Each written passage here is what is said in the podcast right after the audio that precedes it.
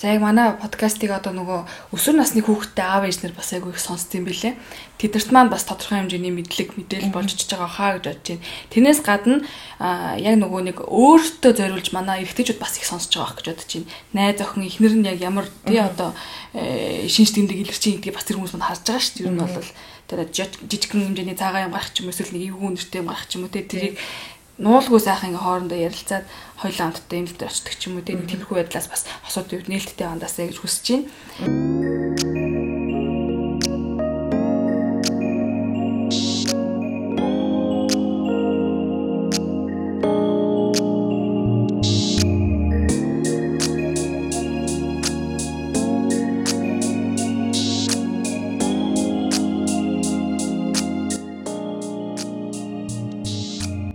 Байцгаана сонсогчдоо. Аа тэгээд хүлээлгийн өрөөний шинэхэн дугаар эхлэх гээд яг одоо Мөнхөн хотод 7 цаг өглөөний 7:44 болж байна.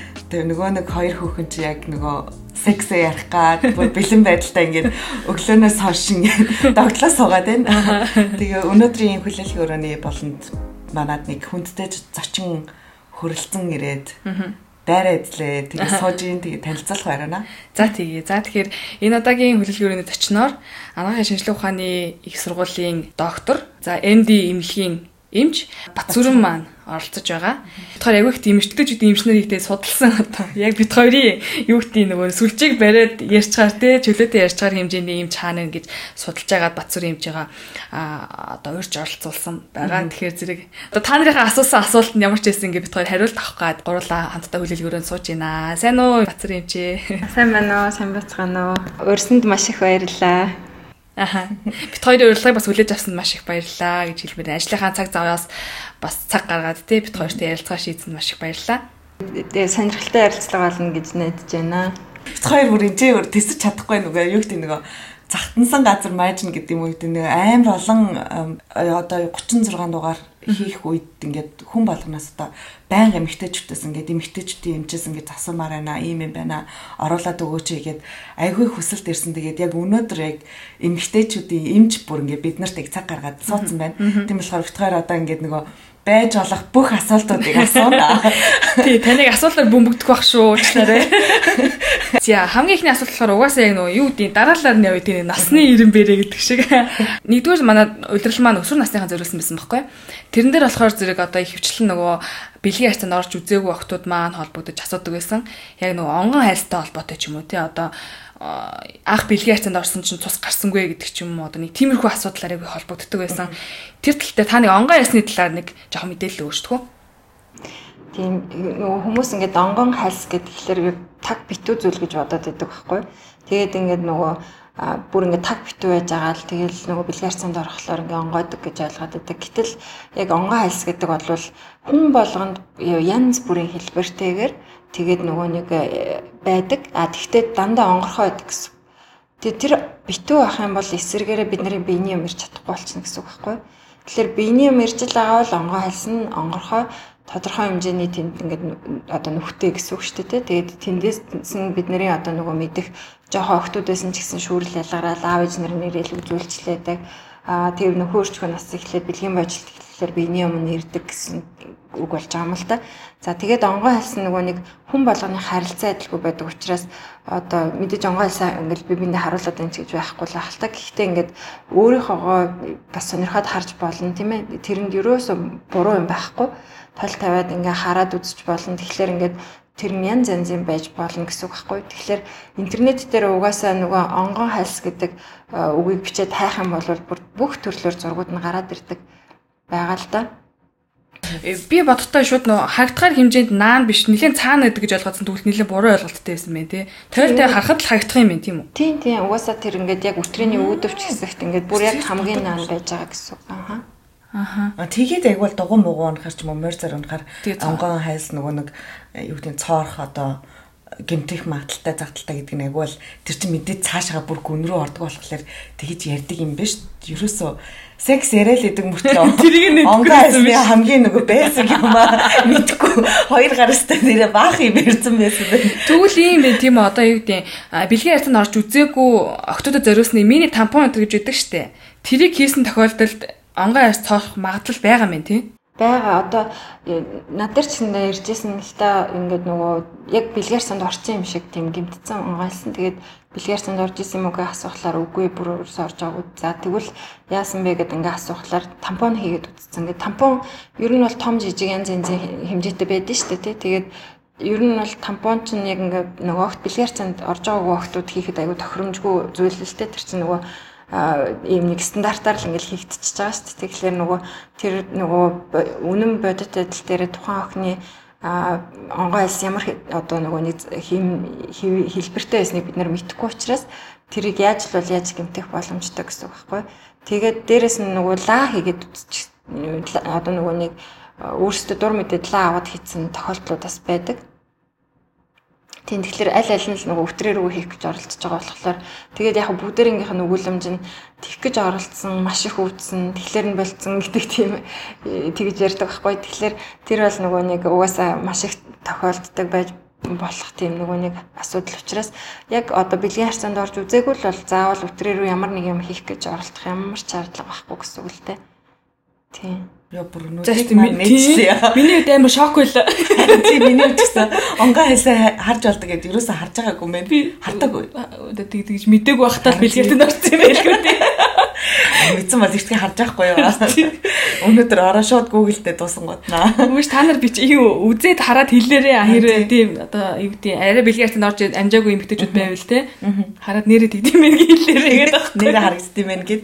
Энэ бол нөгөө зөвхөн одоо нөгөө онгоо хэлсэн дээр ч биш одоо гадна бэлэг хэрэгтнээ ч гэсэндээ бүх эмэгтэй хүмүүс ингээд хараад те ингээд минийх ийм юм байна гэд мэдчихвэл зүгээр ахгүй. Тэгэхгүй ингээд бүгдээрээ ингээд бүр харахаасаа айгүй хичдэг, санаа зовдөг. Нэг л камер юм хараад байгаа юм шиг гэж боддог. Гэтэл яг үнэн хэрэг дээр эн чинь бидний гар хүлний нэг гიშгэл гэсэн үг шүү дээ. Нэг л эргэтэн л явж байгаа гэсэн үг байхгүй. Тэгэхээр тэнд нөгөө нэг а би угаасаа ийм юм байна. Тэндээ тийм ингэтэй юм байна. Миний ус ингэж ургад юм байна. Тэ? А тэгээ миний нөгөө бэлгийн одоо их уруулны юм байна, баг уруулны юм байна гэдэг ингээ өөрөө өөртөө танилцах бас нэг тийм одоо аялал гэсэн үг шүү дээ. Тэгээд тэрийг ингээ мэддэг эмэгтэй хүн бол бас нэг айдсгүй байна. Тэгээд мэдхгүй болохоор бид нар ингээ анхны бэлгийн харьцаа гэл тэгэхээр бүүн айдстай тэгэл юу болоод өнгөрөө гэл дусчдаг тийм тийм тал бас байдаг. За за тэгэхээр манай эмчийн одоо яг та нар үгийг сонслоо шүү дээ. Одоо юу гэдэг бүх хүнээс цус гарах ямар нэгэн алба байхгүй. Цус гарахгүй байлаа гэхэд тэр бол хэвээ үзэгдлээ гэдгийг бас мэрэгжлийн үний нотлохотойгоор та нартай ярьлаа шүү. За ингэдэг нэг юм яалаа. Тасан яалаа. Шүүлээ ёо. Шүүлээ. Тэгээ одоо жиний талаа бити асуугаарай. Тийм нөгөө онгоо хайс эргээд эргээд оюулж болдог гэд нэг хүмүүс ярьдаг дээ. Тэр хэр үний юм бэ? Одоо үнэн гэж байхад ерөөхдөө ойдог штэ тий. Тийм. Тэр маань хэр одоо аюултай юмс ажилбарын хэр хөнгөн хийдэг үү? Тийм Монголд хий.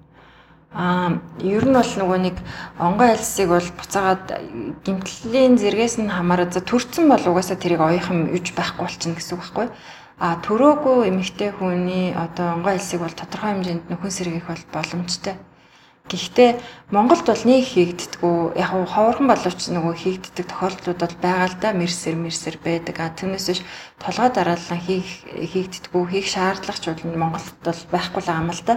А зүгээр илүү хийгддэг газрууд нь гэвэл нөгөө бэлгийн одоо нөгөө хөдөлмөр эрхлэлтийг зөвшөөрсөн орнуудад бол айгүй хийгддэг. А тэгээд нөгөө тэр чинь одоо ингээд нөгөө тэг онгой хальстай байх байхгүйгийн хооронд нөгөө маш их юм үнийн зүрх гард юм шиг байна л да. Тэгэхээр одоо тэрийг заавал энд бас ярих шаардлага болох. Гэхдээ бүр мөсөн одоо ямар ч боломжгүй гэсэн биш. Одоо цэвэр одоо гимтлээс болоод онгоо хэлсэн гимтсэн охтуудад бол тэр энхэн сэргийх боломжтой гэсэн. Угаасаа тэр чинь таг битүү зүйл биш байхгүй. Тодорхой хэмжээнд биений юм гарч байгаа учраас нүхийн үлдээгээл ингээд гэнэ гэсэн үг. Тэгээд онгоо хэл сэргээцний дараа бэлгийн харьцаанд орох юм бол мэдээж өвдөлттэй байна, цус гарна гэдэг хоёр юу бол ялцчихгүй байна л гэсэн үг шүү дээ. Аа. Тэг тэрийг одоо одоо дахин дахин ойлоод авах боломжтой гэдэг юм уу? Эсвэл одоо дахиж нэг л удаагийн тийм оёх одоо юу гэдэг шанстай байх уу? Яг яг яг уу. Яг максимум нэг дөрөв хүртэл удаа боломжтой гэж үздэг. Одоо нас. Аа бас энэ юм тийм нөгөө нэг зарим газар нөгөө заншлаасаа хамаарад би нэг тэгж уншижсэн байхгүй. Одоо юу гэдэг нөхөртөө заавал онгоо очих хэвээр учраас өөр нөгөө залуутай унтцсан байвал онгоо айсаа ойлдог ч юм уу яг тэгж нэг сонсчихсан. Тэгээд тэгж олон удаа гэж Мэдээгүй юм байна. Мэдээгүй юм байна. Найс нь шансгүй болцсон юм байна. Би төрсөн шүү дээ. Чи юу шанстай юм бэ? за яар шиг яар шиг тэр чи одоо тэгээл оёлоо байж идэг юм гэж юу гэдэг. Тэгээд онгон гэл явж байхгүй юу? Тэгэж юм ахин хурахгүй байли. За за за. Алын шашинтай оронгуудад айгүй их тохиолддог тий. Ер нь манай эмэгтэйчүүд одоо яг нэг аа, хідэн насандаа түгээмэл хамгийн анх эмэгтэйчүүд эмэгтэй эмэгтэйгээр очдөг бол тий одоо жишээл юу гэдэг заавал нэг юм өвчин өвчин тусаагүй л бол манайхан ч нэг юм өөрчлөлт сэргийлэх байдал ер нь нэг жоохон хайн хүмүүс шүү дээ. Гэтэ ихэнх нь бүгдээрээ гэж байгаа юм биш.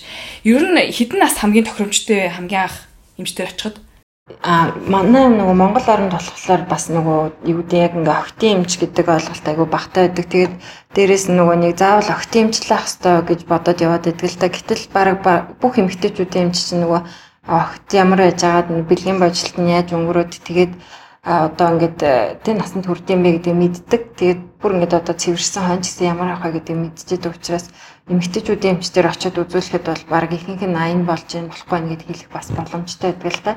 А одоо сүүлийн үед болохоор ээж нар охтуудтай бас аягүй анхаардаг болоод а, биений юм ирэхээс өмнө заримдаа бэлгийн божилт нь хэвээ өгдөж гин үгүй юу гэж шалгуулах гээд ирдэг энэ төр болцсон тохиолдлууд байгаа.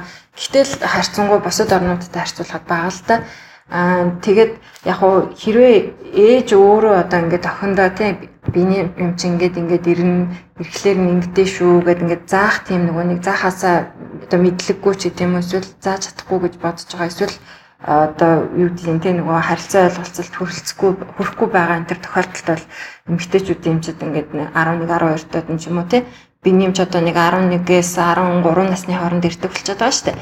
Тэгэхээр тэр үед нь авчираад ингээд за одоо ингээд биений юм чинь ирэхлээр ийм ариун цэвэр ирэлийг ингэж хэрэгэлдэж шүү гэд заалгах бас боломжтой л да эмэгтэйчүүд эмчд хандаад аа тэгээд ерөнхийдөө бол октын хувьд бол за ихэнхдээ л нөгөө нэг хэвэн ингээд бэлгийн божилт нь явагдаал явцдаг учраас бас шаардлага байдаг. Харин гэхдээ 15 6 нас хүрчээд байхад биений юм нэрэхгүй бэлгийн божилт нь нэг л биш байна да гэж бодох юм бол бас ээжнэр тэр үед бас үзүүлчихвэл зүгээр л дээ нөгөө бэлгийн божилт хожуу гэхлэх янз янзын шалтгаанууд явж идэг байхгүй дунд нь. Тийм тэгэхээр бас тэрийг анхаарахад гимгүү байх зүгээр толгойнхаа хааны газар хийчээд те ингээд миний охины өсөлт хөгжилт хэвэн байна уу гэж харж яхад болно гэсэн үг байхгүй те. За тэгээд дээрэс нь нөгөө нэг хизээ яг эмчид хандах хэрэгтэй гэхлээр мэдээж өвтрэнээс гарч байгаа ялгадас эмгэг байх те. Одоо юу гэдэг ногоо юм ч юм уу эсвэл шарамгтай эсвэл өмөртэй юм ингээ гараад эхэллээ гэдэг тохиолдлуудад бол үзүүлсэн энэ дээр. А тэгээд охтуудын хувьд бол мэдээж хэрэг ингээд ямар нэгэн байдлаар одоо эрт залуу наснд те 15 6 та одоо угаасаа маш их элбэг болчлаа шүү дээ тийм нөхцөл байдал. Тэгэхээр нөгөө 15 6 та ингээл бэлгийн харьцаанд орцсон л бол ер нь бол эмчит хандаад тэгээд нөгөө нэг зөвлөгөө аваад яаж одоо жирэмслээс хамгаалах вэ гэдгийг ярилцах хэрэгтэй гэсэн үг байхгүй. Тэгэхгүй болохоор манай Монголд одоо өнөөдөр өсвөр насныхны жирэмслэлт аягүй өндөр болсон. Тэгээд нөгөө бараг толгой дараалан үр хөндлөлт хийлгэж байна гэсэн үг шүү дээ тий яа бүр шар ус босчлаа ч юм уу. Яа эвгүй нэ. Аа нөгөө бэлгийн яг амьдралд орсны дараа тогтмол ер нь хэр үзүүлж явах хэрэгтэй юм бэ? Би одоо нөгөө анх Германд ирэхэд юу хамгийн анх нөгөө тестийг тусаад тэгээд баг 3 4 жилийн дараа эмнэлэг татсан чинь за таны та хамгийн сүүлд хизээ эмнэлэг татсан байх гэж би өө мэдгүй бараг 4 жилийн өмнө ах гэсэн чинь бүр ингээд толгоос хэсрээд бүр юу яриад байгаа юм бэ?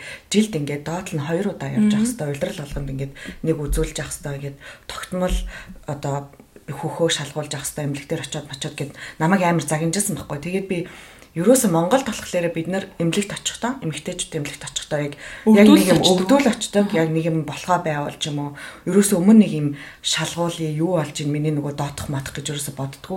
Яг нэг бүр арга арахаараа улаан гэрлаасаагаараа очдөг юм шиг байна.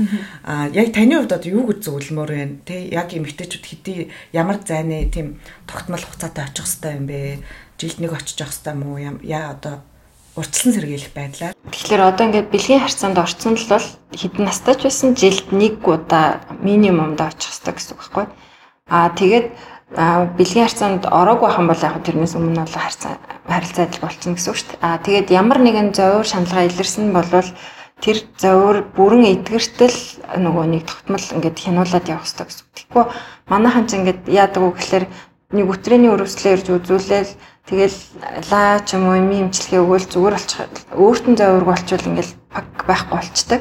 Тэгэл тэгж тэгж явж байгаа л нөгөө өвчин эдгэрсэн ч байсан юм уу, үгүй ч байсан юм мэдэхгүй дээ нэг төр хугацааны шинж тэмдгийн дарагдлалыгаа би зүгээр болчлаа гэж бодчиход яваад идэх тал байдаг л да. Тэгэхээр нөгөө тийм тэн дээр ямар ч байсан гэсэн ингээд нөгөө нэг давтан шинжилгээ аваад яг ингээд имжлэгдсэн шүү гэдгийг нь хилтэл уул нь бол эмчийнхаа хяналтанд яв явах ёстой гэсэн үг л дээ. Ялангуяа цистит энтер гэдэг яг халдварт одоо тийм нөгөө антибиотик ууж байгаа тохиолдлууд дээр бол давсагч ариун байх хэрэгтэй шүү дээ. Тэгэхээр нөгөө анхны шинжилгээ аваад давтан шинжилгээгээр юу ч илэрхгүй болтол нь тэр хүн эмнэлгийн хяналтанд байх хэрэгтэй гэсэн үг тийм. Сайн нөгөө цэцтэд гээ ярьлаа шүү дээ. Тэгсэн чинь би юу яг юу саахгүй нөгөө эмнэлэг дээр очиод ингээ амар им бичиж им бичиж ерөөсөө энд өгдөг байхгүй ингээд нэг юм хөссөн болгонд им бичиж өгөхгүй тэгэл миний уур хүрэл им бичиж өгчөөжтэй гэдгсэн чинь ингээ болохгүй. Та шингийн юм сайн ууж юм уу те ингээд 3 4 литр юм уу давсгаа цэвэрлэл гээд. Тэгээ би нөгөө нэг би ингээ халуун манайх ингээ халуун цайн дээр суугаад зүгээр болчт юм аа гэд. Тэгээд би өмнө яг тэгчээд нэг 7 хоногийн өмнө хальцдаг гарan би нэг халуун цайн манд дээр тусаад суугаа зүгээр болчихгүй нэг гайгүй болцсон чинь эмч намайг бүр ингээ бүр шоола та юу яриад байгаа юм бэ? Хитгэр зонд амьдарч байгаа мэдэж гинүү. Тэгээд тэр чинь яг тэрхүү үед өрөслөө чинь даран тэгээд ерөөсө зүгээр болдгоо маа гэдэгжсэн. Тэгээд Монголд эмэгтэйчүүд яг ихэнх нь ер нь стедийг барыг тэгэж намдаад багтаа ингээд айгүй их тусдаг тийм тэгээд нэг юм халуун цайн дээр ч юм уу ууран дээр суугаад нэг юм эсвэл нөгөө нэг халуун шингэн мингэн тавиад ер нь нэг намдаачаад байдаг. Тэр ер нь яг бүрэн намдаадгүй эсвэл ер нь одоо тих зөв юм уу тэгдэм үү тэгж гэдгийнх нь зөв юм уу гэсэг хариулт авмаар байна. Ер нь бол давсаг бол нөгөө нэг бактеригүй орчин гэж үздэг байхгүй. Тэгэхээр нөгөө ямар нэгэн одоо бактери ороод их их тохиолдолд цистит үүсэж байгаа учраас тийм нөгөө халуунжийн тавиад ч юм уу тийм ингээд нөгөө уураар имчлээд явах юм бол архагшаал яваад байна гэсэн үг л дээ. Тэгээд нөгөө урт хугацаанд яг ингээл нэг даарч хөрмөгцөл цистит болчдөг гэл тэгэл бүр цистит жилд хэдүүдээ хөдөлсөн гэл ингээл яваад идэг эмэгтэй хүмүүс байдаг. Тэгэхээр нөгөө уул нь бол ингээ бактериологийн шинжилгээг нь аваад яг ингээ нэг бактери ургаад тэгээ тэр ургасан бактерит нь таарсан яг энэ энэ антибиотикуудыг уух ёстой шүү гэд хариу нь хүрээд ирдэг байхгүй юу? Тэгэд яг тэр антибиотикийг нь одоо шаардлагатай одоо эмчим бичиж өгсөн зааврын дагуу ууж хэрэглэсний дараа дахиад нөгөө антибиотик юу дахиад шийсний шинжилгээгээ өгөөд за одоо тэгээд таны шийсэнд ямар ч бактери ургаагүй гэсэн хариу авчих юм бол тэр хүнд ерөн цэцтэй тахих магадлал айгүй бага гэсэн. Тий. А нөгөө манай хүүхнээс сонсоод аваарай. Тий. Тий. А тэгж чадаагүй ингээд нөгөө тэг ингээд би сая хэлсэн шүү дээ нөгөө тавтан шинжилгээг өгөхгүй ингээд яваад өгдөг. Тэгмээс тухайн имчилгээ үр дүнтэй болсон юм уу мүү гэдгийг мэдэхгүй болохоор заримдаа ингээд нөгөө архагшаад үлдчихэв. Тэгэл дахин дахин дахиад байдаг гэсэн. Бас нэг эмэгтэйчүүдийн гаргадаг алдаа нь болохоор яг нөгөө нэг ер нь бол одоо тийм нөгөө нэг анус орчмоо дутуу цэвэрлснээс болоод бэлгийн харьцаанд орох тоолондоо нөгөө цистит хөдөлдөг гэсэн тийм нэг завар хилдэг эмэгтэйчүүд байдаг. Тэгэхээр тэр бас л нөгөө нэг анус орчмоо дутуу цэвэрлээл тэгэл бэлэг эрэхт нөгөө мэдээж янз бүрийн одоо байдлаар л өтрөөр орж байгаа шүү дээ. Тэгээд тэр орох явцад нөгөө нэг юу юу ана гэсэн үг байхгүй юу? а давс өвтийн одоо нөгөө шээсний сүү өвтрийг ингээ бохирдуулчихж байгаа гэсэн. Тэгэхээр яг нэг юу юм шиг байна тий. Би нөгөө 7 настай охинтой л доо. Тэгээд нөгөө өөрөө бүксөө одоо юу гэдэг тий бизнес чадар нөгөө нэг одоо арчих цэвэрлэх үл одоо далаа үрцэн чи өөрөө игээд нэг орхиж үтсэн бохгүй. Тэгсэн чинь хөөх юм яг тэр хүн дэндээ арчаад байгаа мөртлөө одоо юу гэдэг нөө бүрэн ойлгохгүй одоо тэр чинь яаж нөгөө нэг арчихын зааж өгөөгүй юм юм одоо харах ухаанаар л бодоод яваад байгаа шүү дээ. Ингээл арчих юм байна гэж хөөх юм бодоо. Тэг би яг бодсон байхгүй. За энэ чинь бүр яг зааж өгөх хэрэгтэй мэн те. Миний хоод яг энээс энэ чиглэлд. Тэгээ дараа нь одоо жишээл хүндэрсэн болвол тэр хэсгийнхаа юг зориултын нотон салхитгаар одоо арчих хэрэгтэй гэдэг ч юм уу те. Юмыг бүр зааварчлагыг заавал өгөх хэрэгтэй юм шүү. Би одоо жишээлбэл ерөөсөө тийм зааварчлага авч байгаагүй байхгүй. Тэгээд өөрөө ингээд зэсрээд аваа. Тэгээ ер нь яг эмгтээчүүдийн эмч дээр очиад зөвлөхөд одоо яг ямар зөвлөгөө өгт юм болоо тэр тал дээр ер нь зөвлөгөө өгөх боломжтой байдгүй. Тийм мэдээч хэрэг одоо нөгөө яг нөгөө бохирцсноос болоод өтрээ байнга бохиртоод стэт байн байн дахиад байгаа эмэгтэйчүүдэд бүр яг ингээд нөгөө өтгөнөр бизнесийнхаа дараа заавал ингэж угаагаад тэгээд өтрийгээ угаагаад идэг байхгүй манай эмэгтэйчүүд өтрээ угаах ямар ч шаардлагагүй өтрээ бол угаасаа өөрөөсөө ингээд шүүрлээ ялгаруулад өөрийгөө цэвэршүүлээд боломжоор нөгөө нэг ингээ өөрөө өөрийгөө цэвэршүүлээд яваад байна гэсэн үг шүү дээ. Гэтэл аанус бол ялцчгүй ингээд нөгөө бохор одоо өтгөн ялгарсны дараа дутуу арчхал юм бол тэнд ингээл нөгөө гидсэн дотор байдаг маш олон бактериуд ингээ гараад ирж байгаа гэсэн үг байхгүй. Тэгээд тэр нь цаашдаа нөгөө нэг дээшээ доош янз янзын халдвар тархах эрсдлийг нэмэгдүүлчихэж байгаа гэсэн. Тэгэхээр нөгөө охиндоо одоо юу гэдэг юм би би ч гэсэн охинтой л да. Тэгээ би бол охиндоо одоо нөгөө одоохондоо бас арай өөрөө арчиж сурах болоогүй л байгаа юм л та. Гэхдээ миний хувьд ихний ээлжинд зааж өгч байгаа юм бол за одоо энэ хэсгийг бол ээжээс нүүр хүн харахгүй шүү те. Өөр хүнд харуулж угаасаа болохгүй тийм учраас гэл ингээл ярьж эхэлж байгаа хгүй. Тэгэхээр октод ч айгүй хөөрхөн штэ. Өөр хүнд харуулахгүй энэ төр гэдэг ингээ бүр таг дарчдаг энэ төр болдог. Тийм тэгэл эн чинь л одоо бид нэр октодоо хамгаалах ихний алхам болох байх л гэж бодож байгаа юм л да. Тэгээд дээрэс нь нөгөө нэг ер нь бол дандаа ингээд урдаас нь хоош нарчих хэвээр тий гэдэг тэр чиглэлийн ихний ялчин зааж өгöd тэгээд яг хуу дараа нь ингээд нөгөө хиндэ бол одоо бид нар яг ингэж арчин шүү гэл нэг хэлж өгөөл. Тэгэл байхгүй үед ч гэсэн арчих хэрэг гарна шүү дээ. Тэгээд дараа нь болохоор тий одоо юу гэдэг иймэрхүү зузаантай цаасаар ингээд хідэн удаач мэдээ ингээд ерөөсөө юу ч гарахгүй болтол нь арчаарай энэ төр гэж зааж өгнө л та. Тэгээд жоохон том болоод нэг одоо өөрөө тий нөгөө өөр өөртөө туслаж чадхаар болоод эхлэхлээр нь за одоо чи яг аанус орчмоо ингэж угаан шүү тий ийм тэг ингээд бүр маш сайн угаагаад цэвэрлэх юм бол сайн шүү гэл ингээл заагаад хэлнэ гэж. Одоо яг би бас том хүүтэйлтэй тэгэл хүүтэй бол бас нэг тиймэрхүү байдлаар заагаад үтсэн. Тэгээд Тэмэр бичсэн л бол одоо яг аанусаа бол угаадаг ч гэдэм үү нэг тийм заншил одоо ямарсан тайл явж л байгаа л да. Тэгэхээр тийм нөгөө октодын хувьд бол энэ бол бүр илүү чухал сайн мэдчих хэвээр сая яг юу байлаа штэ нөгөө жоохон том болоод ирэхлээр нэг бид нар нэг жоохон цагаан юм гараад ирэхээр октод нэг юм өдөр тутам хэргэлдэж штэ. Тэг тэр ер нь хэр хэрэглэх ер нь тохиромжтой юм уу? Би миний хувьд болохоор миний нөгөө одоо бэлэг эрэхтэй амар хуурашаад байдаг байхгүй тийм хэрэглэхээр. Тэгээ би бүр тэрийгэ болцсон. Тэгээд ер нь тэр ер нь хэр одоо юу гэдэг хэрэглэх ёстой юм уу? Эсвэл эрэг нөлөө сөрөг нөлөө юу гэдیں۔ Тэрнийхэн талаар та нэг хуваалцаач. Хөтрээний шүүрэл нэмэгтэй хүн болгонд харилцаа адилгүй ялгардаг байхгүй юу? зарим эмэгтэй хүмүүс бүр ингээд угаасаа маш их ийм нөгөө шүүрэл ялгаруулдаг тийм бие махбодтой. Зарим нь арай бага гэдэг юм уу тий тэр чинь ингээд нөгөө эргээгээд буцаагаад даавартайгаа бас аягүй холбогдоод эхэлчихдэг болохоор тэгэхээр нөгөө шүүрэл бага ялгараад тэгээд нөгөө нэг тийм өөрт төвхтэй биш байгаа бол мэдээж хэрэг ингээд нөгөө хэрэглэх ямар ч шаардлага байхгүй. А одоо өдөр ингээл нөгөө аягүй шүүрэл ялгараал 2 3 удаа бандажаа солих хэрэгтэй болчиход байгаа бол баг тийм нөгөө өдөр тутмын хэрэглээд тэрийг ингээд нөгөө солиод явсан нь бас арай хэлбэрхэн байж магадгүй л дээ тэр чинь одоо ер нь амьдралыг хэлбэршүүлж байгаа л бүтээгдэхүүнүүдийн нэг шүү дээ. Тэгэхээр тэр айгу муу, айгу сайн гэж ярихад айгу хэцүү. Зүгээр үнэхээр өдрийн өрөвсөл байгаад тэрнийг эмчлэхгүйгээр зүгээр ингээд нэг дамсаг ингээд хийгээд яваад байвал мэдээж нөгөө тэгээд тэрийг ингээд нөгөө ойр ойрхон сольж чадахгүй байгаа тохиолдолд тэр чинь нөгөө айгүй хичээхтэй орчин бүрдүүлээд улам их нөгөө цочроогоод Тэгээд э, бүр ингээд нөгөө гадна бэлэг хэрэгтэй улаагаад тавнаад тавдаад хорсоод гээд ороод ирдэг хүмүүс бас байдаг л да. Тэгэхээр тэр үед нь бол мэдээж хэрэг имчилгээг нь хийгээл одоо юу гэдэг тийг гайг болчих штэ. За яг манай подкастыг одоо нөгөө өсвөр насны хүүхдтэй аав ээж нар бас айгүй их сонсд юм билэ. Тэдэрт маань бас тодорхой хэмжээний мэдлэг мэдээлэл болж чиж байгаа хаа гэж бодож байна. Тэрнээс гадна яг нөгөө нэг өөртөө зориулж манай эрэгтэйчүүд бас их сонсож байгаа гэж бодож байна. Найз охин ихнэр нь яг ямар тий одоо э, шинж тэмдэг илэрчин гэдгийг бас тэр хүмүүс мань харж байгаа шүү. Ер нь бол тэр жижигхэн хэмжээний цагаан юм гарах ч юм эсвэл нэг эвгүй нэртэй юм гарах ч юм уу тий тэрийг нуулгүй сайхан ингээ хоорондоо ярилцаад хоёулаа хамтдаа энэ дэвтэр очдог ч юм уу тийм тиймэрхүү байдлаас бас хосууд юу нээлттэй бандаасаа гэж хүсэж байна. Аа тэгээд цагаан юм ярьсан дээр бас нэг юм асуухад одоо юу гэдэг нь хүмүүс цагаан юм гарлаа гэж яриад идэг штеп гэтэл тэр нь яг яг ямар цагаан байх хэвээр энэ цав цагаан байх хэвээр юм уу эсвэл нэг тунгалаг шингэн өнгөтэй байх хэвээр юм уу гэдгийг хүмүүс бас тэр болгон мэддгүү гэж магадгүй тэр талтай таны мэдээлэл өгөөч. Тийм юу байгаа. Одоо нөгөө нэг сая хэлсэн шүү дээ. Өтрээний шүүрэл гэдэг бол бүх эмэгтэй хүмүүсээс ямар нэгэн байдлаар ялгарч байгаа.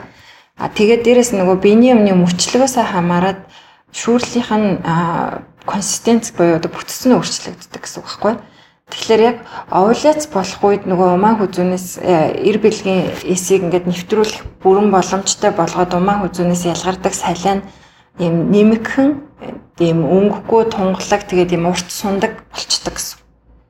Тийм. Тэгэхээр нөгөө тэр үед болохоор нөгөө зарим эмэгтэй хүмүүс бас ингээд нэг юм гонжирлцсан урт ийм тунгалаг юм гараад гээд хурж ирдэг хүмүүс байдаг л та. Тэр бол бүр цэвэр одоо яг овуляцтай холбоотой а хэвийн физиологийн одоо ялгарч байгаа шүүрлэг гэсэн үг байхгүй. Тэгээ яг тэр өдрүүдэд бэлгийн харцаанд орох юм бол илүү одоо жирэмслэх магадлал өндөрснөө л гэсэн үг. А тэрнээс наан цаа тийм тэрнээс наан цаана хоёр бол мэдээж хэрэг юу шүүрл нь бол илүү өтгөн болчдаг. Тэгээ тэр нь болохоор эсрэгээрээ тэр умаа хүзүүг ингээ хамгаалаад одоо умаа хүндээ дотор ямар ч эмгэг юм орохсгүй гэж хамгаалж байгаа тийм шүүрл болчихж байгаа гэсэн үг байхгүй. Тэгэхээр бэлгийн харьцаанд бол орж болно. Бэлгийн харьцаанд ороход нөгөө гардаг ялгардаг шүүрэл чинь дахиад өөр эрхтнүүдээс ялгарч байгаа шүү дээ. Тэр хөтрээний ханаас дээрэс нь бартны булчирхай гэдэг тийм тусдаа булчирхай тэгээ скинийг юм булчирхай гэж зөндөө олон жижиг шүүрэл ялгаруулдаг хүчүүдийн нүтрээ гадна бэлэг хэрэгтэн дээр байрлаж байдаг. Тэр нь нөгөө нэг ажиллаж а нөгөө шүүрэл нь ихсээд одоо тэг бэлгийн харьцаанд ороход ч гэсэндээ илүү зовиргүй те болж байгаа гэсэн үг байхгүй юу? Та бүр ямар гоё ярьд юм бэ? Ингээд бүр нэг юм яриагийн сонсоол ямар те. Нэг юм чих амир амраагаад амар юм ерөөсөө юм зэгцтэй мэдээлэл ингээд шууд шууд ингээд шигтэж өгч штэ ингээд бүр харин тийм юм байна. Ерөөсөө нөгөө ийм хүнтэй яриаг өнө хоёр маазардаг хүн чинь нэг ийм зэгцтэй яриатай хүнтэй ярьсан чи айгүй өөр юм тийм ээ. Гоё юм мэдээ. Айгүй гоё мэдээлэл авч ин тийм. Мэгшлүүдийнхэн агуус өөр юм те. Мэдээлэлээс бас арай мэдлэг авч байгаа юм. Тийм, авч байгаа юм уу? За сайн нөгөө нэг юу ярьсан штэ шингэн ингээ ярьлаа. Би одоо жоохон гадна талаас нэрэ гэж бодож байна. Одоо эмэгтэй хүмүүс ингээд хамгийн их бэлэг хэрэгтний харчаал ингээл амар шоконд ордог ч юм уу тий. Миний аим муха харамгтай. Миний ингээ бэлгийн уруул нь ингээ амар том эсвэл үүд ингээл амар их олон тэгж мессеж ирдэг байхгүй минийх ингээ яагаад юм хар юм бэ? Цайруулах боломжтой юу? Эсвэл бэлгийнхаа нөгөө том уруул ингээ жижигрүүлмээр байна. Бүр ингээ зогсож явахт ингээ харагдаад байна гэд. Тэгээ бит хоёрын өгдөг зөвлөгөө болохоор ингээ энэ ингээ тий нормал аа байдаг зүйлээ эмэгтэй хүн болгоны одоо хүн болгоны царай өөр байдаг шиг яг бүр эргэтэн хүртлээ ингэж өөр байдгаа заавал бүгд ижлэх эргэтэнтэй байл сониршдаг гэсэн нэг тиймэрхүү хариулт өгдөг байхгүй. Тэгээд яг одоо эмэгтэйчүүдийн эмчин зүгээс ямар хариулт өгмөөрэ тэгээд нөгөө эмэгтэйчүүдийн одоо тэр бэлгийн хилүүг багсгах тийм хагалгаа ерөн Монголд хийгддэг үү? Тэрний талаар нэг ярьж өгөөч. Тэгэхээр ер нь бол энэ бүх эмэгтэй хүмүүсийн талгаа дотор ингээ явж идэг юм шиг байна л да. Тэгээд нөгөө нэг тэгээд түрүүн би бас нэг хальт хэлчихсэн нөгөө нэг өсвөр насны охин ч гэсэндээ ингээд өөрийнхөө тий охин айлс ингээ хараад гээд гадна бэлгэрхэн тэгээд танилцах боломжтой гэдэг шиг бүх насны эмэгтэйчүүд их боломжтой байхгүй. Тийм тэр чинь нөгөө нэг өөрийгөө л танин мэдгэт нэг тийм процесс явагдаж байгаа гэсэн үг шүү дээ. А зүгээр юуны хувьд болохоор хүн болгоны гадна бэлэг хэрэгтэн ч гэсэндээ бүр маш их ялгаатай байдаг. А тэгтээ нөгөө нэг төрөөд одоо ингээд төрөх тоолонд гадна бэлэг хэрэгтэй ер нь жоохон харлаа яваад идэх гэсэн үг байхгүй. Тийм тэгээд одоо сууг тэгээд энэ нөгөө нэг хөвлийн голын шугам харалтан шүү дээ тий. Тэр нь нөгөө нэг нэг сар орчим болоод бүр огт төрж байгааг юм шиг арилждаг мөртлөө гадна бэлэг хэрэгтний тэр харлалт ерөөсөө нөгөө нэг олигтой цайж өгөхгүй үлдээд байдаг. Тэгээ бүр ингээд илэрхий юм тод харуулчих юм бол мэдээж өөрт тааламжгүй тэгээд нөгөө эмгтэй хүн чинь бас яг ингээд нөгөө айгуу сонинтэй хичнээн ингээд бэлгэрсанд орохтой хөвчлэн харанхуй нөхцөлд орж байгаа ч гэсэндээ ягаад ч юм бэ тийм миний бэлэг хэрэгтэн тиймдээ гэж бодчих юм бол тэндээс ичээд яваад байдаг тал байдаг л та. Тийм тэгэхээр нөгөө юу одоо цайруулалт бол бүрэн боломжтой л гэж хэлэх гээд байгаа юм л да. Тийм. Гэхдээ төрөх тоол нь дахиад харалдаг болохоор одоо би бүр дахиад төрөхгүйгээд шийдсэн ч юм уу эсвэл энэ хооронд ямар ч гэсэн нэг жоохон цайруулчихъя гэж бодох юм бол яг манай эмнэлэгт хандаж болно л да бид нэр өтрийн гадна бэлэг хэрэгтний цайруулалт бол нэлээд хийдэг. Тэгээд ялцчгүй. Гэхдээ тэр чинь ингээд манайхны нэг монгол хүний сэтгүү чинь нэг удаа нэг ширхэг юм уугаал зүгээр болчихно гэдэгтэйгээ адилхан зүгээр болох гэдэг шүү. Би өглөө босаад ирэхэд л зүгээр болчихно. Тэг яг яг тийм хандлагаар айгүй ханддаг. Тэгэл нэг удаа хийгээл цав цагаан болчих юм шиг те юу бодоод идэг л да. Тэгтэл нөгөө бүх юм чинь одоо анаахын ухаан гэдэг чинь өөрөө сайжраад байгаа ч гэсэндээ хүний бие махбод чинь тийм амархан өөрчлөлт авдаггүй учраас нөгөө хид хид удаагийн давталттай орох энэ төр хэрэгтэй болдог тал байдаг. Аа зүгээр бэлгийн одоо баг уруулын хувьд болохоор бэлгийн баг уруул нь янз бүрийн хэмжээтэй эмэгтэй хүмүүс байдаг. Аа хагалгаа орох заалт хизээ үүсэх вэ гэхлээр бэлгийн одоо баг уруул нь хитрхи томоосоо болоод хитрхи том гэдэг хэмжээ нь болохоор 4 см-аас том хэмжээтэй гэсэн үг байхгүй юу? А эсвэл салст нь нөгөө нэг их наашаа гараад ирцнээсээ болоод ингээд байнга шүргэлцээ тэгээд ингээд нөгөө дотор хувцсандаа үрэлдээд өвдөд байдаг гэдэг тийм зовир хэлдэг бас октод байдаг. Тийм тэгээд нөгөө тийм тохиолдолд бол бас нөгөө хаалгаа ордог. Тэр төрлийн хаалгачсан би хийдэг л дээ. За тэгээд нөгөө хилүүний хувьд болохоор энэ бол нөгөө бэлгийн амьдралтай айгүй чухал холбоотой. Хилүү ч өөрөө нөгөө эмэгтэй хүний оргазм буюу тавилтанд айгүй чухал эргэтэн байдаг. Тэгээд нөгөө яг хилүү багасгах гэдэг юм биш нөгөө хилүү чинь өөрөө юм гадна талтай юм малгайтай байхгүй. Клитерал хүүд гэд нэртэй. Тэгээд тэр клитерал хүүд нь тэр малгай нь их том эмхтэй хүмүүс байдаг. Одоо нөгөө бэлгийн уруулан том байх тусам малгай нь их зузаан доошогоо унжаад ороод ирсэн. Тэгээ тийм эмхтэй хүмүүс бараг л нөгөө оргазм буюу тавьж үзээгүй гэсэн зөвөр агүй хэлдэг. Тийм. А тэгээд бид нар юу хийдэг вэ гэхэлэр тэр хилүүнийх нь малгайг ингээд жижигсгээд наашаага тэр нөгөө хилүүг нь гаргаад өчтдөг байхгүй. Тэгэхээр нөгөө хүрлцэх мэдрэмж нь ихсээд зүгээр ингээд өмнө нь ерөөсөө мэдэрч байгаагүй мэдрэмжээ авч яах гэж хэлдэг хүмүүс их байдаг л да. Зүгээр л ингээд бандаж нь одоо тийм дотор хувцсандаа ингээд хилүү хүрлцгээд хүртэл би ингээд юм мэдэрч байгаагаа мэдж байгаа гэж тэгж байгаа байхгүй. Тэгэхээр нөгөө бэлгийн харьцаанд орсон ч гэсэн тэр хүн өөрөө илүү хурдан тавах боломжтой болж байна гэсэн үг л дээ. Тэгэхээр эмэгтэй хүнийхээ амьдралд одоо бэлгийн амьдрал ч өөрөө шууд амьдралын чанартай холбоотой гэдэг байгаа шүү дээ. Бид нэр хизээч энэнийг ярьдаггүй болохоор нөгөө сэтгэл ханамж байхгүй тэгээ нөгөө нэг эсэргээрээ нөгөө тэр нь өөрөө эмэгтэй хүний хувьд нөгөө өөр өөртөө ихтгэлгүй болох ч гэдэм үү те. Бэлгийн харьцаанд ороод таашаал авч чадахгүй байх тусам бэлгийн харьцаанаас татгалцдаг болдог. Энтэр гээд янз янзын нөгөө сэтгэл зүйн талын нөгөө трауманууд яваад байдаг тал байдаг. Э тавилт ярьсан дээр шууд асуумаар санагдчихээн одоо нөгөө ирж байгаа манай сонсогчдоос ирж байгаа мессежүүд дээр айгүй хэмэгтэйж асуудаг байхгүй. Яг тавиад байгаагаа мэдэхгүй байна. Тий нэг юм нэг нэг мэдрэмж аваад тэгэл одоо болчиход ах юм. Эсвэл одоо юу гэдэг шингэн гарахгүй байна гэдэг ч юм уу. Яг яасан тохиолдолд тавьж ийн гэж одоо анагаах шиш ухаанд үздэг вэ? Ямар мэдрэмжийг хэлэх бол яг тэгэхээр яг тавьж үзээгүй л болоод тэгж байгаа гэсэн үг л дээ. Яг нөгөө тавиад үзсэн эмэгтэй хүмүүс гэдэг юм одоо оргазм нь хэвэн байгаа эмэгтэй хүмүүс бол тэр мэдрэмжийг бүр хизээч өөр юмтай холихгүй. Харьцуулшгүй тийм. Тэгэхээр нөгөө э, тавьж чадахгүй байгаа учраас ингээд нэг тийм одоо оргазм чинь ингээд нэг юм бүх юм чинь туйлдаа хүрээд одоо уулын орой дээр гараад тэгээ буудаг шиг яг тийм мэдрэмж авах хэрэгтэй гэсэн үг байхгүй тийм. Тэгтэл тэр хүн ингээд дэше өгсөж явж байгаа тэгээд яг оргазмдаа хүрч чадахгүйгээр нөгөө нөхөр нь тавьчихдаг ч юм уу тий. Тэгээ ингээ бэлгийн харьцаанд дуусчаад байгаа гэсэн үг шүү дээ. Тэгэхээр нөгөө яг тэрнийг нөгөө яг тэгж мэдэрч байгаа бол нэг үзүүлээд тий одоо яг юу нь болохгүй байгаа юм бол гэдгээ жоохон тодорхой болгочих юм бол бас зүгээр л хальтаа магадгүй тэр нөгөө саяны ярьсан clitoral food reduction гэдэг тэр хагалгааг хийчихвэл тэр мэдрэмж айгүй өөр болчих магадaltaй гэсэн үг. А дээрэс нь нөгөө шүүрэл бол мэдээж яг оргазм болцсны дараа бол ямар ч байдлаар гэсэн тодорхой хэмжээнд шүүрэл ялгарх хэрэгтэй. Тэгэхээр клитер гэдэг хэрэгтэн чинь өөрөө юм урт ийм шүүрэл ялгаруулдаг хэрэгтэн байгаа байхгүй. Тэгээ умаа хүзүүнээс ч гэсэндээ бас тэр нөгөө шүүрэл оргазм гарах хэвээр 50 болох үед ялгардаг гэж үзээд байгаа. Аа бас нэг яг эмтэй холбоотой гардаг зарим эмэгтэй хүмүүсийн асуудаг асуулт нь болохоор би ингээд нөгөө оргазм болохоор бараг литр шахам шинг гаргацдаг. Энэ зүгээр би би. Нарина тийм. Тэрийг бол нөгөө хэвийн үзэгдэл гэж бол бодож болно. Гэхдээ зүгээр хүн болгон тэгж чадахгүй гэвэл үгүй гэсэн үг байхгүй юу? А зүгээр гэхдээ оргазм бол хүн болгонд болж болно. Тэр нь үнэхээр нөгөө их баг шингэн нь янз янзын хэмжээтэйгээр хийж болно. Түүнээс хүн болгоны одоо нэг ингээд яг тийм сквертинг гэж одоо тэ таарыг нэрлж байгаагаар тэгж нөгөө нэг тавиулыг бол бас айгүй төвхтэй. А яг ховорхон тохиолдолд бол тэгж нөгөө нэг э, тавьж бас болно гэж байгаа. Тэгэхээр тэгэхээр нөгөө энийг бас яг л ингээл бодчих хэрэгтэй л те. Хүн болгон харилцаа адилгүй. Тэгээд бүр эмгэг бол биш. А тэгтээ тэгж тавьж ийн гэдгээсээ болж өөрөөсөө бол ичих хэрэг үгүй.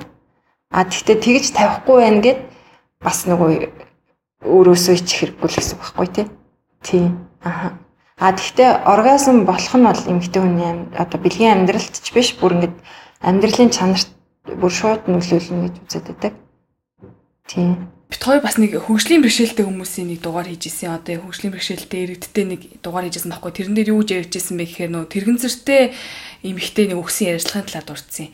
Аа имлэг дээр очиод би одоо ингээд имжлүүлэх гэсэн юм аа. Тэ нэг юм жоох эвгүй нэртэй юм гараад байна гэж ярьсан шууд өөдөөс нь загинсан гэд юм чин чи одоо нэг юм юу тэрэгэнцтэй тэрэгэнцтэй ээж хизээ юундаа сексидийн гэж одоо шахуу баг хэлсэн байгаа байхгүй.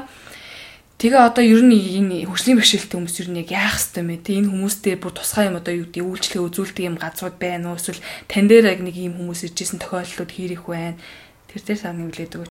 Аа ер нь бол байдیں۔ Гэхдээ харцангуй нөгөө багал те яг ялангуяа тэрэгцэртэй эмэгтэй хүмүүс бол тэгэл уул нь бол үзүүлэх ёстой хүмүүс шүү дээ ялгаа байхгүй тэгээ тэрэгцэртэй байх тусмаа одоо нөгөө төрөний ярьсан анус орчмоо гүйцэд сайн цэвэрлж чадахгүй байх тий тэрийг чи ингээл нэг хүн ингээл туслал туслаад туслахгүй бол хөрхий ингээл хайчиж байгаа болохоор илүү их бохирдох цагаан их гарах магадлал өндөртэй. Тэгээ тэрэгцэртэй байлаа гэдэг тэр хүн одоо бэлгийн харцаанд орохгүй гэсэн үг бас биш байхгүй юу? Тийм. Тэгэхээр нөгөө бүхэл юм тохиолддог.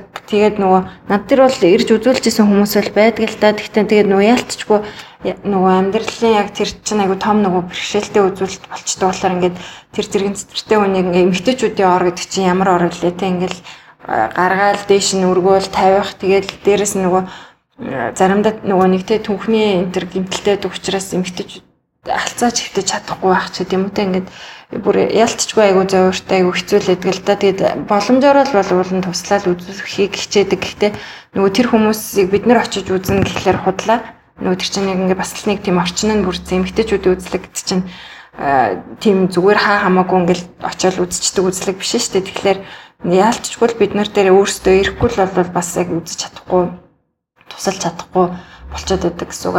Ерөнхийдөө хөгжлийн бэрхшээлтэй хүмүүс бол нөгөө тий хараагүй сонсголгүй энэ төргээд ээж нь их чинь дүүн ингээл дагуулаад ирдэг тохиолдлууд бол байдаг байдаг. Тэгээд боломжоор үзэл ойлголцохыг аягүй сайн хичээгээл тий тийм тэр хүнд одоо яаж л тусалж чадхаар вэ тэгэл тусламжийг бол үзүүлэхийг хичээдэг. Гэхдээ хөгжлийн бэрхшээлтэй ямар ч төрлийн хөгжлийн бэрхшээлтэй байсан гэсэн тэр хүн бол эмгтэл хүн юм чинь а 65 нас хүртлэе бол ер нь эмгтэйчүүдийн эмчид жилдээ нэг удаа бол үзүүлээд явбал ядаж илүү тэр хүний нөгөө эрх нь хамгаалагдаж байгаа гэсэн үг шүү дээ тийм. Ан тэр бас бит хоёрын нэг нөгөө тэр дугаараар хийчихсэн санаа байсан нөгөө хөгжлийн бэрхшээлтэй хүн ч гэсэн секси юм аа.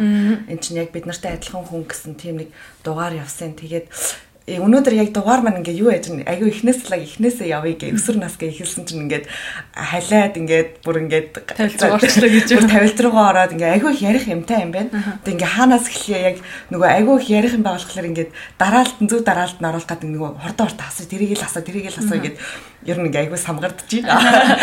Тэгээд миний бас нэг асуу гэсэн буцаад нөгөө өсвөр үе рүүгээ орё л доо намайг ер нь өсвөр үеинд очиход хизээч одоо манай ээж юм уу эмээ ингээд жирэмснээс хамгаалах юм уу? Чи одоо ингээд одоо бэлгийн харилцаанд орж байгаа найз залуутай болж ийн бэлгийвч хэрэгэл гэж ер нь хэлж байгаагүй байхгүй. Барыг нэг нь хэлж байгаагүй. Тэгээд одоо Монголд ингээд ажиглагдаад одоо ажиглаад байхаар айгүй их тийм баг жирэмснээс хамгаалах зүйлүүд эмгэгтэйчүүд нь хэрэгэлтэй юм шиг байгаа. Бэлгэвчнээс гадна одоо юу гэдэг им уухлаар ингээл чи одоо юм жоох юм байж юм им уужаад юм жирэмснээс хамгаалах өсвөр насндаа гэсэн үг. Өсвөр насндаа одоо 18 хүрчлээ шүү дээ. Тэгээд найз залуудаа болцсон байж чи им им угаад тахтай яа тий болооч ч гэдэг юм одоо нэг тиймэрхүү юмнууд агиох ингээд нөлөөлөл яваад идэм шиг ба. Тэрэн дээр ер нь одоо өсвөр насны охтууд яаж хамгаалах ёстой энэ жирэмслээс спрал тавиулах нь зөв юм уу эсвэл им уух нь зөв юм уу зөвхөн бэлгэвчээ хэрэглээд явах нь зөв юм уу гэдэг тал дээр нэг та зөвлөгөө өгөөч. Тийм шүү дээ. Аль насанд аль нь илүү тохиромжтой юм бэ? Тэ гэдэг. Бид нар нөгөө хүүхдүүдтэй ерөөсө бэлгийн боловсрал анханаас нь өгөхгүй байгаа. Тийм тэгээ өөж ирэн чадахгүй яа тэгэхээр угаасаа та хоёр ч ялгаагүй би ч ялгаагүй манай аав ч ялгаахгүй яг энэ үе ийм нөгөө нэг ярилцлага болоод тэгээд тэ ямар нэгэн гэр бүлт ингээд нөгөө нэг юу гэм а ийм юм байх хэрэгтэй юм би хүүхдээ ийм ярьж өстэй юм гэдэг тийм ойлголт огт төрөхгүй явсараад ингээд насанд хүрээд хүүхд гаргацсан гэсэн үг шүү дээ. Тэгээд тэгэхээр нөгөө гэхдээ уул нь бол бид нар яг энийг ярих хэвээр.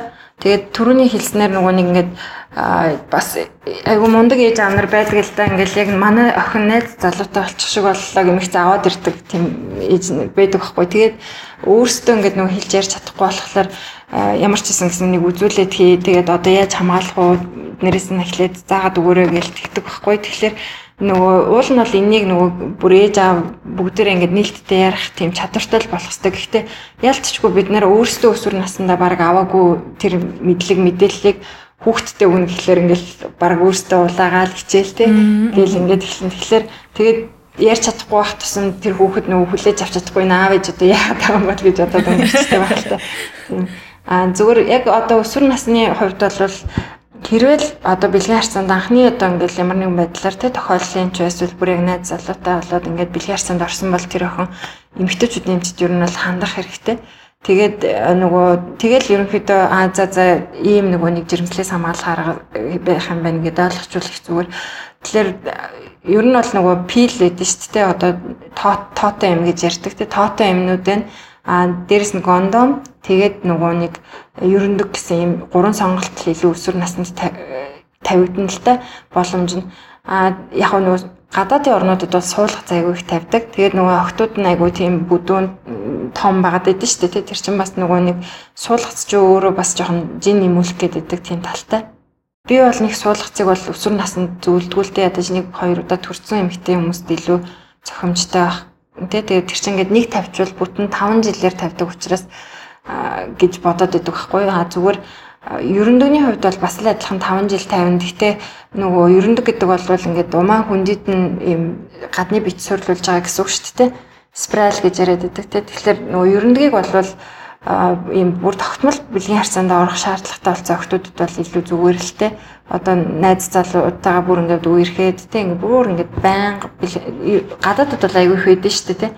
Монголд ч хөөхөн тэгээ охтууд байсан уу байсан. Тэгээ салцсан одоо орохгүй байгаа гэл нэг хөөрхөн хөөрхөн юм ярьдаг байхгүй. Тэгэхээр тийм яг ингээд нөгөө тэгтэл хүний амьдрал янз янзаар л өрөндөг юм чинь хэрвээ ингээд найз залуутайгаа бүр өдөр болгон шахам ингээд бэлгээр цанд орж байгаа бол байн гондом хийгээд авч бас хэцүү болчих хальтаа. Тэгэхээр тийм тохиолдолд бол зүгээр жирэмслээс одоо жирэмсэн болоод үр хөндлөлт хийлгэнэ гэдэг нь өөрөө тухайн охины амьдралд бол маш том нөгөө траума болоод хуурчиж байгаа байхгүй. Жирэмслээс хамгаалах арга гэдэг бол эмэгтэй хүний сонголт байхгүй.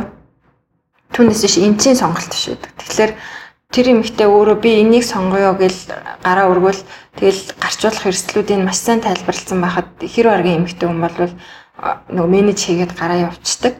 А compliance муута ямар ч ойлголтгүй би өө энийг л тавина энийг л хийнэ гэл ингээл тэгчих юм бол нөгөө алдаа гарах магадлал өндөртэй болно шүү дээ. Тэгэх юм бол тэгээ нөхсөөгүй жирэмсэлт гэдэг үр дагавар дахиад яригадаад эхэлнэ гэсэн. Аха.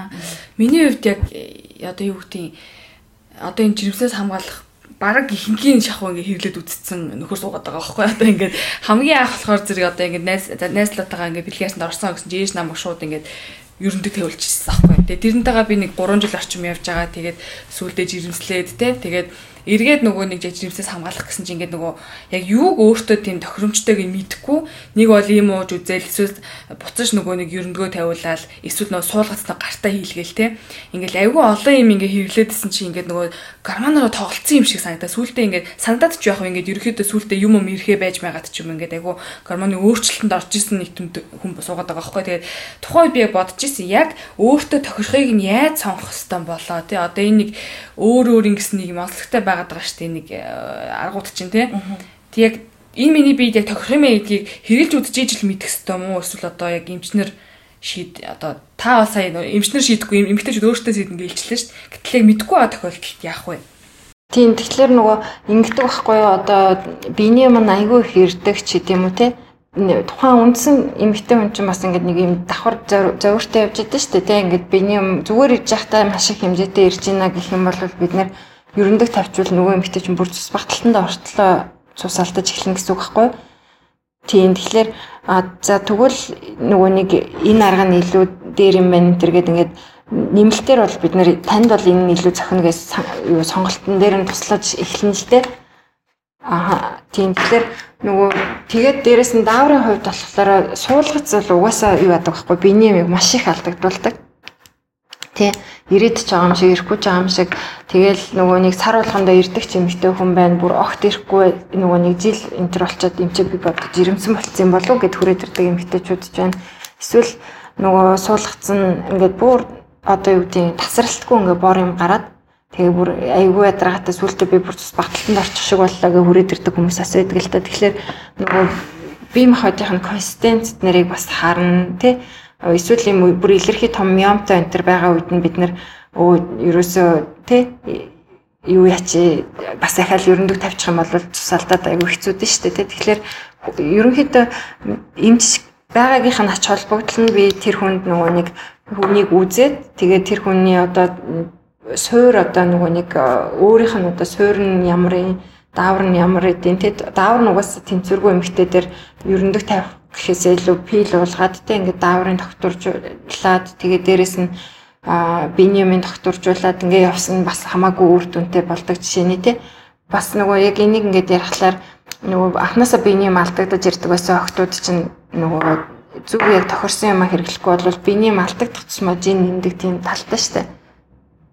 Тийм тэгэхээр тэр мэрийг нь бүгднийг харж байгаа. За өөрт ч юм бол энэ нь илүү зохих юм байна да гэдэг тийм санал бол өгöd тэгээд дээрэс нь нөгөө нэг тэр хамгийн тохиромжтой одоо арга нь ийм давуу талтай, ийм сул талтай, ийм гаж нөлөөтэй гэдэг нь тайлбарлаж өгдөг байхгүй. Тэгэхээр нөгөө хүн маань аа за за би тэгвэл энэ аргыг ингээд сонголоо гэж бодоход надад миний бие махбодод энэс цааш ийм ийм өөрчлөлт гарч болох юм байна гэд мэдчих юм бол За за гэл энэ ингэх ёстой гэсэн юм чи ингэж хэлсэн юм чи ингээд илүү одоо нөгөө нэг айх айдсгүй яваад ин гэсэн. А гэтэл огт хэлэхгүйгээр ингээл ерөндөг тавьчлаа гэж бодоход ерөндөг тавьсны эхний нэг э, хэдэн одоо тий 6 сар хүртэлх биений юм болвол асар их хэмжээ дээр нь шүү дээ бүр цочтол зарим эмэгтэй хүмүүсийн хэрдэг. Тэгээд бүр юу болж ийн одоо би одоо өстө үнэхээр зөв юм хийчихв буруу юм хийчихв гэл ингээл түгшээл айгаал тэг гэтэл нэг 6 сар орчим болоод нөгөө ерөндөг маань ингээд өөрийнх нь бие махбодод нэг хэсэг болоод эхлэхлээр нөгөө биений маань багасаад яг хэвийн байдалтай ороод тэгээд бүр 4 5 жил яг тэр өрөндөгтэйгээ явцсан гэсэн нэг хүмүүс ч гэсэн зөндөө байд. Аа. Одоо тэ харцсан гоо сонголт ихтэй болчихор бас юу юм те. Өмнө чинь одоо яах вэ нэг юм эмээ эмээтэй ярьсан нэг дугаар дээр яасан шин. Бид хоёр бас эмээтэй гэдэг нэг дугаар ярьсан байхгүй? Тэгсэн тухайн үед болохоор зэрэг ерөөсөө спрал ч олддгүй байсан өстө нөгөө орс мэрэгчлэн таньдаг тулдаа нэг орсоос нэг спрал авахулж таньдаг эмчээрээ цэргийн госпитал тавиулсан гэдэг гэж айгүй тийм үлгэр дов шиг ярьжсэн байхгүй. Одоо ингээ эргээ харахаар зэрэг айгүй их тийм сонголттой болцсон чинь нөгөө нэг дилемма гэдэг нь юу гэдэг л одоо нэг юм яашаа яахаа мэдгүй нэг яахаа мэдгүй олон юм угаасаа байхаар нөгөө сонголтондоо хүрч чаддгүй шүү дээ. Тийм болчиход байгаа юм шиг аа би нөгөө нэг сая яг биний юм гээ ярьсан чинь биний юмны талаар ярмаар санагдлаа. Одоо юу гэдэг биний юм зориулсан тампоны талаар ч юм уу те эсвэл би нэг юм сонсчихсан байхгүй юу? Одоо сонсчихсан гэдэг юм уу уншижсэн. Би нэг санамсаргүй байдлаар явжгаад нэг орой ингээд нөгөө тампоно хийчихэд мартцсан юм санагдаад Тэгээд маргааш нь ингээд би мэдгүй тэр ингээд одоо ярих юм бол хүмүүс энэ одоо архитект хөөхөн гэж бодох байх шиг. Найзуудтайгаа оройн нуучаад би нөгөө тампоно хийжээд маргааш өглөө ингээд хийгсэн чинь би тампоно гаргацсан байх та. Тэгээд миний үед яг нөгөө юм дуусчихсан. Тэг гаргасан болов ахи хийх зүг юм болов ингээд сонирн байхгүйсэн ахгүй юу ингээд нэг утсан тэгээ би ингээ айгаад яана би одоо ингээд тэг би шүн ахиад ингээд тампон хийцэн байгаа байхгүй юу одоо юу гэдэг хоёрыг давхарлаа хоёрыг давхарлаа хийсэн болоо гэд ингээд бүр бөө юм болоо. Тэгээ яг ихнийгээ гаргачих чаахгүй. Тэгээ нөгөөдхөө хайгаад байгаа хгүй хоёртоо хайгаад.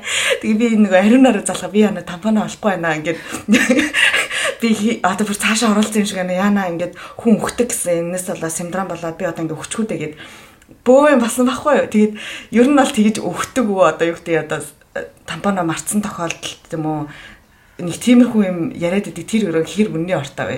Над дээр ч гэсэн нэг хоёр удаа энэ төр яг тохиолдчихсэн л да тампон хийгээд мартцсан гэд. Тэгээ эсвэл бүр тампон хийснээр бүр таг мартцсан.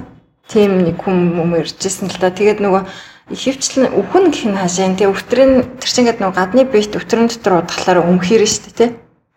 Тийм тэгээд ингээд бүр өвтрийнээс гарч байгаа ялгдсан айгу муухай болоод тэгээд нөгөө нэг өвтрийн өрсөл болчлоо гэд ирж үзүүлээд тэгсэн чинь ингээд тол тавиад харсан чинь бүр ингээд нөгөө байжсэн л та. Тэгээд аваад сайхан цэвэрлээ тийм. Тэгэл ер нь бол амархан л эдгэрсэн л тэ өвтрөж бас айгу сайн амжилтыг авдаг хэрэгтэй болохоор угаа цэвэрлээ тийм. Тэгэхээр нөгөө их том өвтрөтэй хүмүүс байна бас гайгүй жижигхэн өвтрөтэй хүмүүс байна тий бас л ингээл чинь айгу янз янз болчихно шүү дээ тий. Тэгэхээр нөгөө өөртөө ихтгэлгүй байгаа бол мэдээж эмчтэр очиод тал тавиулаад харахаар бүх юм ойлгомжтой болчихно гэсэн үг л дээ. Тэгээ гэхдээ нөгөө үхэн гэж бол байхгүй л гэсэн үг. Аа за за ёо санаа хамаарлаа гэдэг шиг. Би бүр өгтлээ айсан тэгээд тест нэр интернетээс ухаал хідэн цаг байдаг юм бол хідэн цагийн дараа бараг л одоо нөгөө нэг өөхөх процесс болох юм бол бол ухааны бодол бүр жижиг тавьсан байхгүй. Тэгээд өстой тий ууж муугаад ахиж тэрнээс хойш бүр ингээм амар айдаг болсон. Тэгээд ерөөсө тампона ер нь хизээч ахиж мартахгүй байх гэж бодож байгаа. Тэгээд нөгөө өтрийн жижиг том гэрлээ штэ. Өтрийн ер нь бол жижигсгийн хаалга хэр хийгддэг вэ? Хэр санал болохгүй цагаалаа вэ?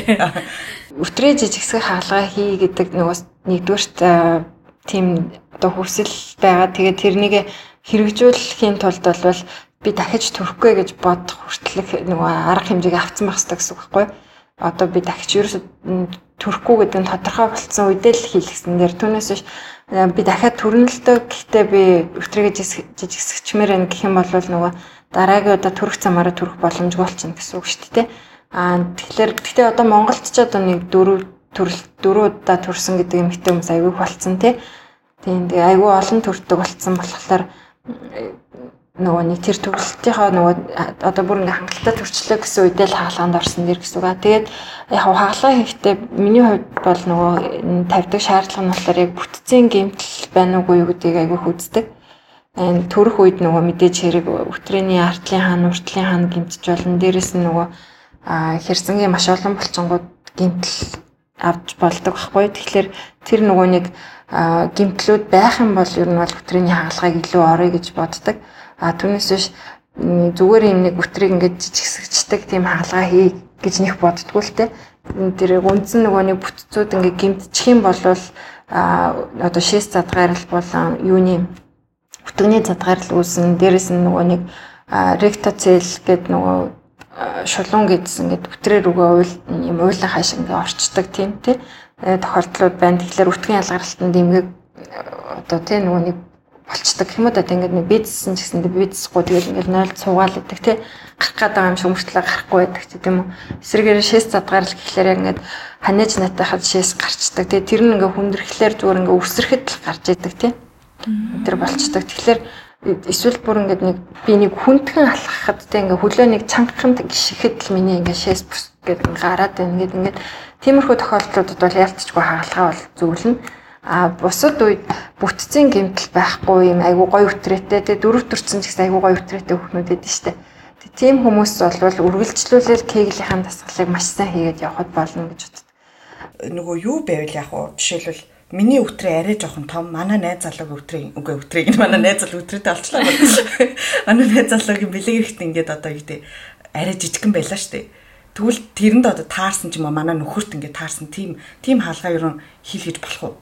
Мэдээж болно. Тэр бол бүрэн боломжтой. Гэхдээ нөгөө одоо юу гэж чинь хүний амьдрал нэр бас янз янз юм тохиолддог болохоор тий нэгэнт л одоо яг үнэхээр л яг тэр хаалгаа хийх заалт гараад ирчихсэн. Тэгээд хаалгааг чинь хийж өгч байна гэх юм бол яг тэгж тааруулж хийнэ гэсэн үг байхгүй миний хувьд бол Тийм а гэтэл нөгөө кегл бүр ингээд ямар ч бүтцийн гэмтэл байхгүй айгүй гой өтрээтэй жиж зөвхөн тэрний төлөө ингээд нөгөө нэг өтрийгээ жижигсгэ хаалгаа хийнэд бол айгүй харамсалтай гэсэн. Тийм а гэхдээ одоо зүгээр баримталж байгаа зарчим нь бол мэдээж хэрэг ингээд төрцөн тэгээд илэрхий яг хаалгаа хийлгэе гэдэг ингээд бүр шийдвэр гаргаад за одоо би яг хаалгаа хийх гэж байна гэх юм бол За танай нөхрий чинь одоо бэлэг хэрэгтэн э, хүчирсэн үедээ ямар хөө хэмжээтэй болд юм бэ гэдэг асуудал заавал яригдана гэсэн үг байхгүй. Тэгээ тэр нь одоо ингээ бэлэг хэрэгтэн хүчирсэн хоноо айгуу жижигэн байдаг болвол тэрэнд нь тааруулж хийхгүй бол юу ямар ч хаалгаа хийсэн одоо ач холбогдол гарахгүй болчихсон шүү дээ. Тийм шүү дээ. Юу юм уу? Тэгээ яг хаалгаа хийсний дараа нөгөө авдаг байсан мэдрэмж нь яг хിവэр үлдэж чадах уу? Одоо юу гэдэг бас тодорхой хэмжээний мэдрэлийн хэсгийг аваа иччаа гэж би ойлголоо зүг. Тэгээд тэрний дараа секс хийлээ гэхэд нөө авдаг таашаал нь бүрэн авагдах уу? Тэр бол авагдана. Нөгөө яагаад тэгэхээр яг одоо оргазм болоход нь ч гэдэм одоо юу гэдэм бэлгийн таашаал авах цэгүүд гэдэг чинь бүтрээ тэр чигтэл тэр цэгүүдийг агуулж байгаа тий. Тэгээд нөгөө одоо жицэг энтер гэж яриад байдаг шүү дээ. Гэтэл жицэг ч гэсэндээ а жицэг чинь яг яг энэ юм а гэд гаргах тийм нөгөө мэдрэлийн эс байдаггүй байхгүй юу? Тийм тэгэхээр илүү нөгөө одоо умаа хүзүү тэр нөгөө юу яаж байгаа а хилүүд нэр илүү нөгөө нэг тэр оргазм болоход нөлөөлж байгаа гэсэн. Тэгэхээр нөгөө яг одоо бидний хийдэг хагалгаанаас болоод дур хандлт байхгүй болчлаа гэж бол байхгүй. А эсвэргээрээ нөгөө хитрхи жижиг хэсэг хагалгаа хийцний дараа нөгөө бэлгийн харьцаанд орохлоор гадна бэлэг эрэхтээ өвдөд тэгээ вульвод дини гэдэг нөгөө нэг өвдөлт гэдэг тийм онш вульвод дини гэдэг онш тавигддаг байхгүй. Тэгэхээр тэр бол эсрэгээр айгу траума ихтэй нөгөө тэгээ дээрэс нь тэр хаалгаа хийхдээ бид нар айгу сайн бодож хийсэн хүн эмгтэй хүн цэвэрчсэн л бол өтрээ ингээл аажмар жижигрээл жижигрээл жижигрээл хатан гаршин гэсэн үг шүү дээ. Тэгэхээр нөгөө одоо юу гэдэг ч гэсэн бэлгийн харьцаанд орно гэсэн үг байхгүй юу? Тэгэхээр нөгөө ахиж хязгаарч бэлгийн харьцаанд орохгүй юм чинь ингээ хүний өтрийг ингээ бүр айгүй жижигэн болгочих бас болохгүй гэсэн үг байхгүй юу? Айгүй бодолтойгоор нөгөө нэг тэр хүний одоо өтрийг яаж жижигсгүүл энэ хүн яах вэ гэдэг айгүй сайн бодож хийхгүй бол нөгөө хитрхи жижигсгчих юм бол ялцчихгүй ингээд нөгөө бэлгийн харьцаанд ороход өвдөд байна гэд тэгээд өвдөд байна гэдэг тэр мэдрэмжийг авах тусам эмэгтэй хүн бэлгийн харьцаанаас нөгөө нэг татгалзаж эхэлдэг. Тэгмэгт нөгөө эргээгээд нөгөө гэр бүлийн тэр амьдрал тэр чигтээ дахиад өөрчлөгдөн гэсэн болчихж байгаа юм л та. Тэр тэг нэгэн та халгаанд орсон бол тэг буцаад сунгах мөх боломж байхгүй зү угаасаа тий. Буцааж сунгахад бол айгүй хэцүү. А зүгээр яг тэр вулвод эний энтер гэдэг тэ нөгөө бүр юм өвдөлт үүсгээд байгааг нь яг тэмцээгүүд энтер байгаа тэр сорвчсон тэ нөгөө нэг хэсгүүд нь илүү хөвдөлт үүс. Тэгж байгаа тохиолдолд бид нар нөгөө PRP эмчилгээ гэж байдаг байхгүй юу? одоо нөгөө нүүрэнд хийдэг PRP гэж сонсч байсан баг. Тэр PRP бид нөгөө өтрээ болон херцанд бүр сайн ярих юм бол бүр хилүүрч гэсэн хийдэг. Тэгэхээр нөгөө нэг эмэгтэй хүний одоо шүүрл ялгаруулалт таашаал авах чадвар айгу сайжирдаг. Тэгэхээр тэр болгоныг бол мэдээч хэрэг ингээд нэг нэг асуудал үүсгэж за тэрийг ямар нэгэн байдлаар шийдэд өчгөөс ингээд арга нь бол байгаа л байдаг л да. Аа. Өтрээний юу ч тэгвэл бараг хөгжсөн байна тийм нөгөө юу гэдэг шинжлэх ухаан эм зүү одоо бүх арга юу ерөөсөө талаар айгүй баг ойлголттой байсан мэн нэг үтрээ гэл нэг юм доор байгаад байгаа л тэгэл нэг секс чи тэр яг урд тулгараагүй чи тэр өөр тулгарааг болохоор айгүй бол бүр тэгээд мэдхгүй яатсан байсан. Тийм байсан бах нөгөө ямар ч асуудал асуудал байдаг байсан болохоор ч юм уу нэг надад бүр нэг асууя л бодоод яваад нэг асуулт байдаг байхгүй яг эмэгтэйчүүдийн эмчээс. Тэгээ тэрийг яг одоо асууя. Нөгөө одоо эмэгтэй хүн ингээд секс хийж явах зарим эмэгтэй хүнээс ингээд маш их одоо шингэн ялгардаг. Тэгээ заримаас нь ингээд бүр баг ингээд төвч ялгардггүй ч юм уу тий. Тэгэд нөгөө шингээ ялгараад ирэхлээр зарим эрэгтэй хүмүүс дургүй байдаг ч юм уу энэ одоо яагаад ингээд баахан ингээд шингээ ялгаруулад байгаа юм ч юм уу. Зарим ингээд одоо шингээ ялгарахгүй болохоор энэ одоо намайг өсөхгүй байгаа юм гэж амирх ойлголттой байдаг бах. Тэрний талаар ер нь тийм шингэн их ялгарх нь өвчөө юм уу? Эсвэл шингээ ялгарахгүй байх нь бас өвчөө юм уу? Хэр хэмжээтэй юм байх юм бэ гэдэг талаар нэг Аа тийм тэгэхээр нөгөө яг бэлгийн харьцаанд орохын өмнө нөгөө өвтрээ тодорхой хэмжээнд чих хийсэн байх хэрэгтэй гэсэн үг шүү дээ. Тийм тэгэхээр нөгөө яг одоо бэлгэр одоо яг нөгөө одоо тэг хөвчөрсөн бэлгэрхтэн өвтрийн доорно гэдэг чинь айгу ямар ч одоо нөгөө шүүрэл ялгараагүй эмхтэн өнөх рүү орох юм бол тэр чигтээ одоо гимтэл учруулна. Аа тийм тэгэхээр нөгөө нэг тэр шүүрэл ялгарах процесс бас хүний эмхтэн хүний наснаас айгу хамаарч өөрчлөгдөд байдаг залуу наснд бол нөгөө шүүрэл ялгаруулах чадвар илүү сайн байдаг учраас их хэмжээтэй ялгарна гэсэн үг байхгүй.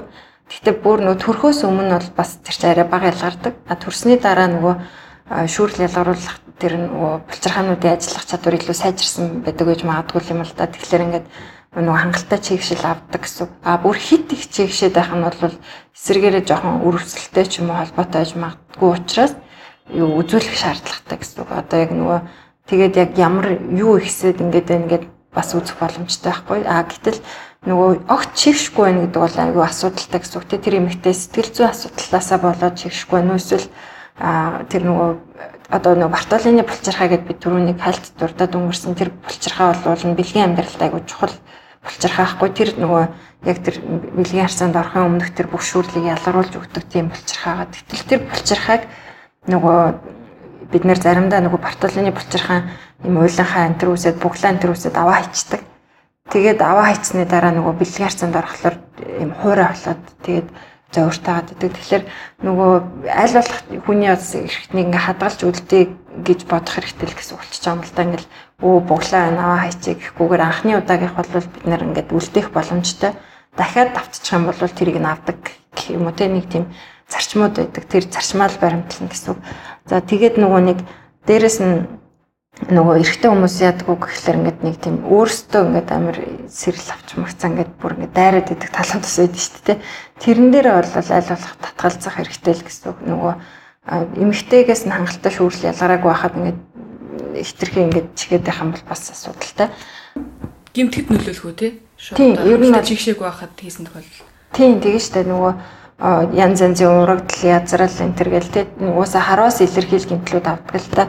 Тэгээд хэрвээ одоо энэ байдал нь одоо мэдээж бартланы болчирхаагаа ахуулсан ч гэдэм үү эсвэл одоо нас нь ингээд нас ахаад одоо цэвэрших төссөн насууд нь тий 40 50 насны за сайн ярих юм бол 60 наснд ч гэсэн нэмэгтэй хүн бэлгээрсэнд орж байгаа шүү дээ мэдээж хэрэг тэгэхээр нөгөө энэ наснд нөгөө эмэгтэй хүмүүс яг тэр хуурайшлаасаа болоод бүр бэлгээрсэнээс татгалзаад эхэлсэн байдаг. Тэгэхээр энэ үед бол бид нарт уулын жинхэнэ утгаараа одоо нөгөө өтрээний лазер эмчилгээ а тэр өө шот гэдэг байгаа тийм нэг өтрээр рүү PRP эмчилгээ энэ төр хийгээд өгчлөөр тэр өтрээ маань ингээд айгуу сайхан угаасаа ингээд цаанаас жоохон чигшээд идэг. Тэгэл жилд нэг удаа ингээд курсээр юм ч юм уу ороод тахт болно гэсэн. Эсвэл одоо нөгөө нэг бүр юм цэвэршсэн эмэгтэй хүн байх юм бол бид нэр тогтмол байн өтрээнд нь хэсэг газрын даавар эмчилгээ хийдэг байхгүй.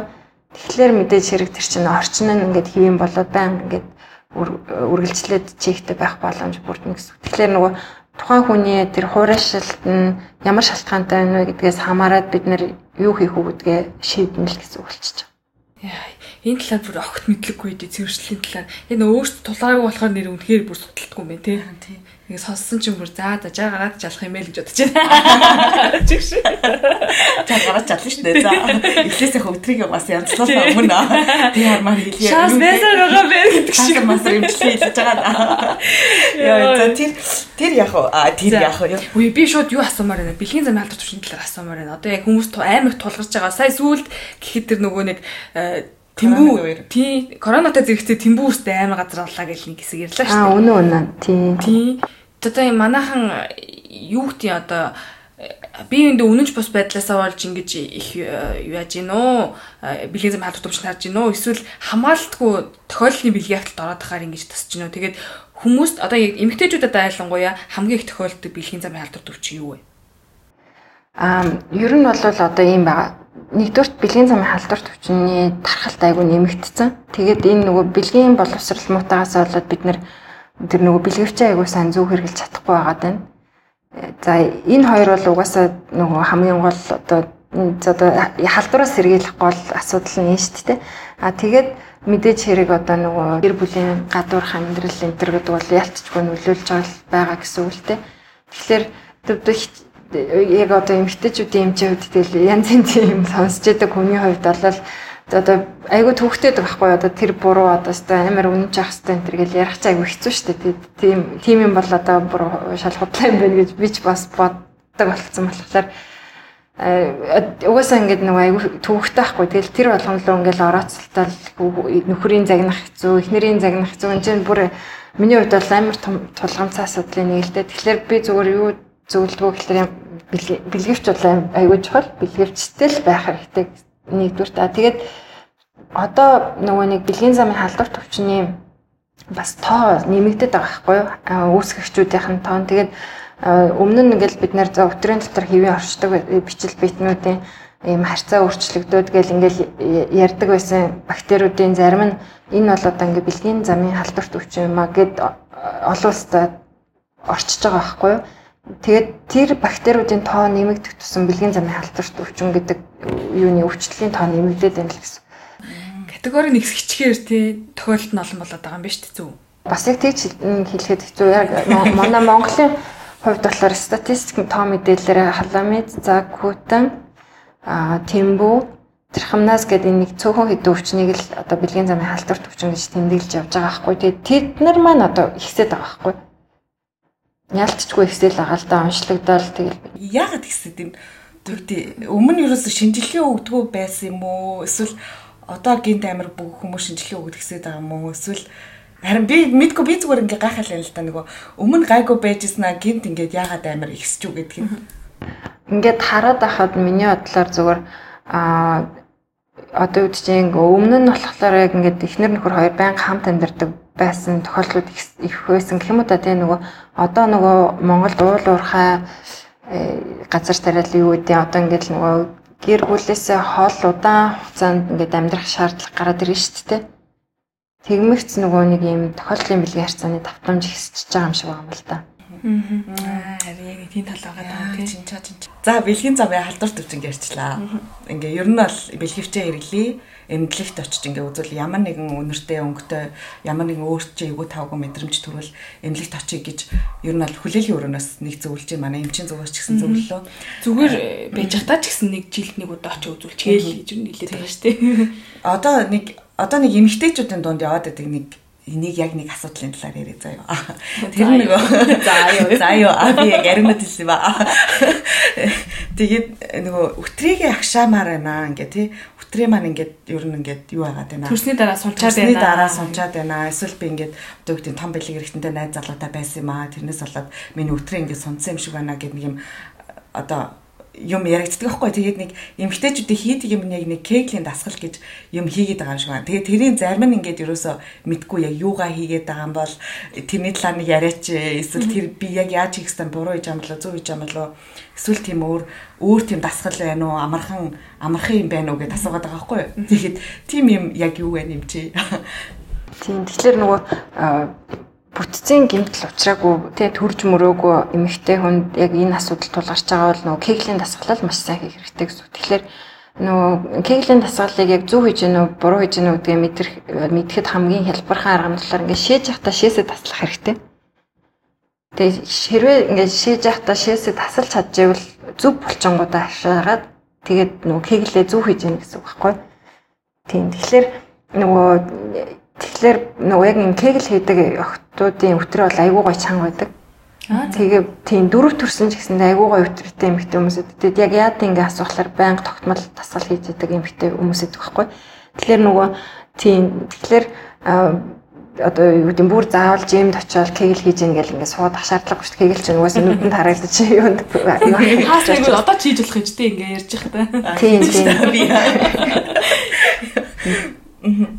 Тэгэхээр нөгөө тэр кегл ямар ч байсан гэсэн эхлээд ингээд өөртөө ихтгэлгүй байгаа бол шээж явахдаа шээсээ ингээд таслаад тэг яг тэр мэдрэмжээрээ шээгээгүй байхдаа ч гэсэн хийх хэрэгтэй гэсэн. А бас нөгөө нэг багаарцгийн булчин чангалах тасгалууд гэдэг ингээд мэдээж гизний булчингаа тэ орой унтахынхаа өмнө одоо юу гэдэг нэг 20 30 удаа суниах ч гэдэг юм уу тэ тэрнтэйгээ хамт ингээд дээшээ харж явж байгаа нэг бүсөө өргөдөг дасгал байдаг шүү дээ тий. Тэр тэр тэр дасгал чинь бас нөгөө яг хэрзангийн булчингуудыг чангалдаг. Өгзөгний булчин чангалдаг. Тийм. Тэгэхээр тийм дасгалуудаас тэр бол айгүй энгийн тэгээд хэвтэл унтахынхаа өмнө хийчихээр нэг тийм хэмжээний дасгалууд учраас тэгээд тоогийн л гол нь олон хийх хэрэгтэй. Нэг 10 хийжэл болчлоо гэх юм бол тэрэн шиг худлаа юм байхгүй. Нэг удаа хийхдээ ядаж 50 60 100 одоо гэдэг нь те тэгж хийх юм бол сар 2 сарын дараа гэхдээ өөрт чинь ч гэсэндээ илүү үр дүн мэдэгдэнэ л гэсэн. Ямар лаг юм бэ? За би өнөөдөр ариунаас яг тэр тасгалуудыг хийлээ. Тэгээ 2 сарын дараа та нарт хэлнэ. Төрсөн эмэгтэй ч гэсэн одоо кеглэн тасгал хийгээд юу н буцаад хийм байдалд орж болох нь вэ шүү дээ, тий?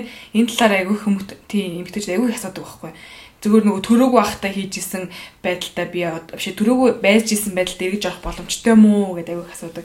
Яг тэр хуучин хөвдөө авах бүрэн боломжтой байна тий бүтцийн гэмтэл аваагүй л бол одоо ингэ нөгөө төрөх үед их том хөвгт төрүүлсэн ч гэдэг юм уу те ингээд янз янзын байдлаар булчин тасарсан тохиолдлууд байгаад идэв. Тэгээд яг тэр булчин тасарсан тохиолдлууд дээр одоо 1000 кегл хийгээд мэдээж сайжрна л та нөгөө эрүүл байгаа булчингууд айгуу гоё сайжрна. Гэхдээ нөгөө тэгтэл нэг юм дутуу мэдрэгдээд идэг гэсэн үг. Аа зүгээр ямар ч нөгөө төрөх үед ингээл тэг том хөвгт төрүүлээгүй ч гэдэг юм уу те ингээд төрөх үед бүх энэ булчингууд айгуу гоё сунаад ингээд төрсэн эмэгтэй хүн бол кеглийн дасгалал маш сайн хийх хэрэгтэй. Эмэгтэй хүмүүс айгуу олон шалтгаанаар ингээд нөгөө секс хүсэхгүй болдог те ингээд нэг заримдаа одоо үгтэй цэвэршиж байгаагаас шалтгаалаад секс хүсэхгүй болно.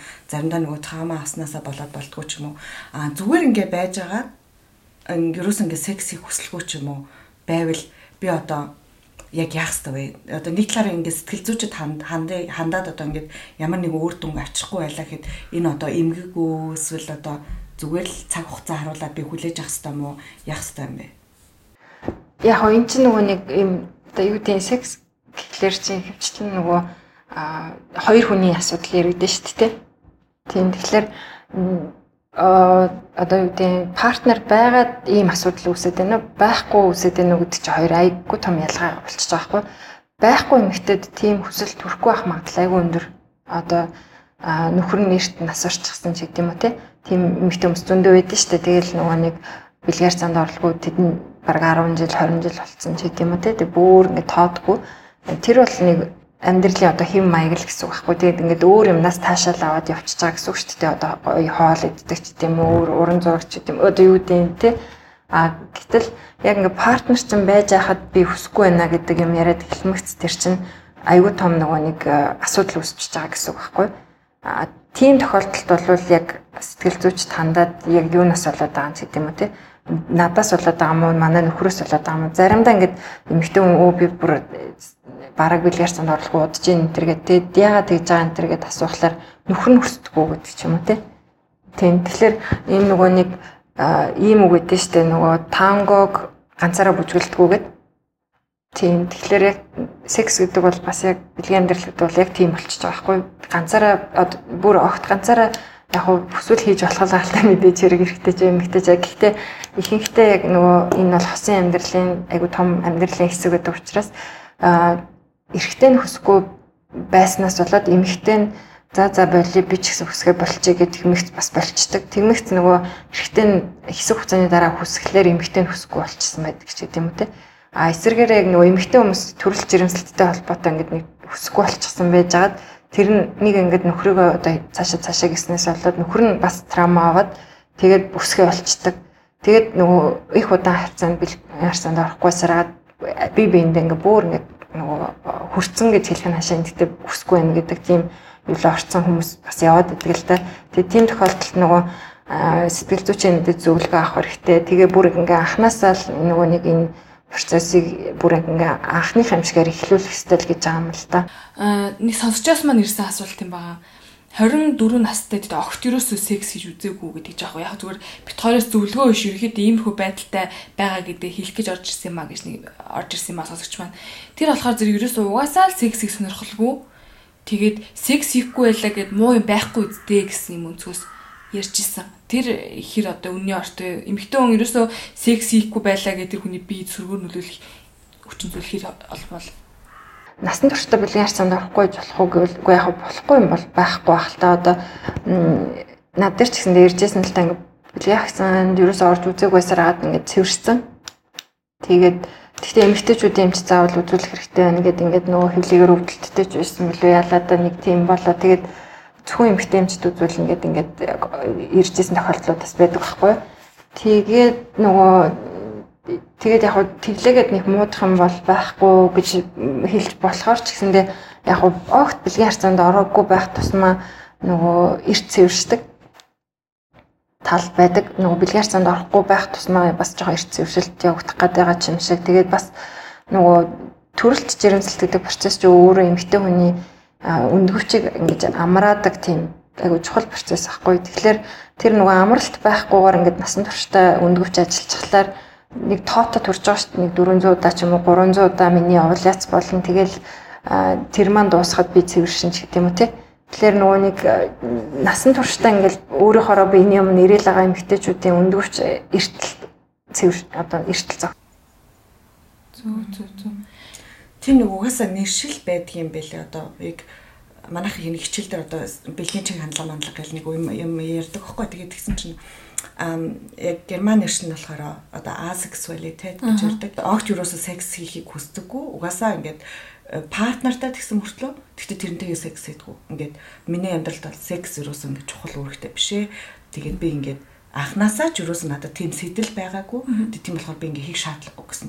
Бүр тийм хүмүүс хүртэл байд юм байлээ. Тэгээд би хөөх ийм төрлийн бас хүмүүс бас байд юм байна гэж бодож исэн.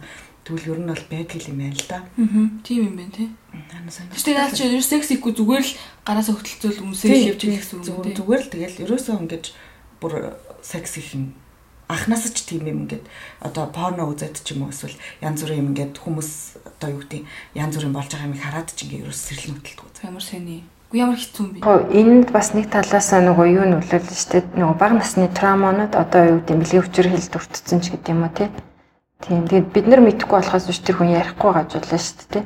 Э бас тиймэрхүү юмнууд айгүйх нөлөөлөд байгаа юм шиг харагддаг. Ингээд нөгөө бэлгийн хүчирхийлэлд өртөжсэн байх тусмаа хожуу гэрэлсэн байх ч гэдэм үү те. Эсвэл брокт ерөөсөө нөгөө нэг гэрхтээ хүнтэй байхгүй байх гэдэг тиймэрхүү чиг хандлага яваад байх шүү гэдэг л та. Тэгэхээр нөгөө анханасаа л одоо бас тийм юмд өртүүлэхгүй байх гэдэг нэцэг ихийн өөрөгч гэдэг юм уу те бид нэр аль болох э, тийм тэгэл бас хой хүний өөрийнх нь амьдралын одоо зөв юм аягч гэсэн нэг нөлөөлнө шүү дээ тэр орой явахгүй хахаас ахвал тийм асуулт бол ингээл бүр ундраал ах юм байна. Ингээ гороолаа яриа л өвлөц хоёрын бүр асуулт бол ингээд эн чинь нөгөө нэг хэдэн зуун жилээрээ яригдсан нөгөө нууц юмнуудыг ингээ яг одоо баг багаар ингээд нэг хаалгын онгоолгыг тайлж байгаа юм шиг болж байгаа болохоор тэгээд ер нь бол гороолаа ингээд ер нь дуусгах тийшээ ер нь бол манай энэ дугаар хандж байна. Тэгээд яг нөгөө нэг ариуна хамгийн их хэлсэндээ эхнээс нь ингээ явъя. Тэгээд одоо ингээ явсаар агаад яг цэвэршилт дээр ирж байна. Бит хоёр асуулт ингээ нэг явсаар агаад тэгээд цэвэршилт ер нь хідэн наснаас эхлүүл хэвийн хэвийн юм бэ. Тэгээд хэр удаан явагддаг вэ? Цэвэршилтийг ингээ хоошлуулж болох уу? Тим аргуудын талаар юм уу? Тэрний талаар та нэг зөвлөгөө өгөөч. Цэвэршилт болохоор одоо яг дэлхий дээр дундаж цэвэршилтийн нас нь 51 гэж явдаг. Монгол улсад хийгдсэн судалгаагаар 49 гэж явж байгаа. 49.7 гэд. Тийм тэгэхээр тэгтээ цэвэршилт гэдэг чинь өөрөө нэг юм өнөөдөр эхлэл маргааш одоо үүд ингээл гэл нэг юм үетэй явагддаг процесс биш байхгүй юу? 5-аас 10 жилийн хооронд нөгөө нэг тэр цэвэршилттэй холбоотой маш олон янзын шинж тэмдгүүд илрээд тэгээд дусдаг тийм процесс байгаа. Тэгээд цэвэрснээс хойш одоо тийм нэг 12 сар одоо биений юм ирэхгүй болсноос хойш 12 сарын дараа энэ цэвэршилт гэдэг онш нэгдүгээр тавигдаад тэгээд тэрнээс хойш дахиад нэг 5-аас одоо рейнжтэлтэй нэг 5-10 жилийн хугацаанд тэр нөгөө пост менопаузал буюу цэвэршилтийн дараах амьдралын үе яваад байгаа байхгүй. Тэгээд тэр дуусаад нөгөө одоо өндөр настан гэдэг рүүгээ шилжинэ гэсэн үг байхгүй.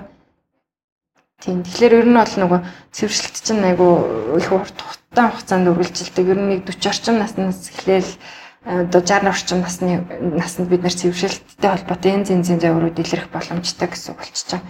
Аа тэгээд цэвэршилтийг айгүй олон битэн хүмүүс бараг л толгой дараалан би цэвэрших насаа хойшлуулмаар байна гэдэг тийм боддог. Гэхдээ нөгөө эн чинь кодлогдсон бүр генетикийн мэдээлэл ахгүй те би одоо 51 наснда цэвэрших хэрэгтэй бол би 51 наснда л ер нь цэвэршин. А гэхдээ энэ бол нөгөө өндөвчнийг янз бүрийн хагалгаа хийлгээгүй тохиолдол гэсэн үг шүү дээ. Өндөвчийг ахуулсан, нэгийг ахуулсан, эсвэл талыг ахуулсан гэл ингээл айгу олон янзын хүний амьдрал тохиолдол болохоор их тусам одоо цэвэрших наснаа ашлнаа л гэсэн үг болчихж штэ. Намайг ингэж асуух би нэг түрүүн хэлсэн штэ. Яа би ингэ цэвэршмээргүй байна. Би нэг гормоноор тоглоо хийцэн гэдэг нэг ярьжсэн да түрүү нэг баахан цэвэр эвлээ нөгөө живлээс хамгаалах баахан аргууд туршиж байгаа. Тэгээ тухайн үе би гормоны шинжилгээ өгөхөд намайг эмчтэй инжсэн байхгүй чи ч одоо тухайн үе би 24 дээс ахаа. Тий.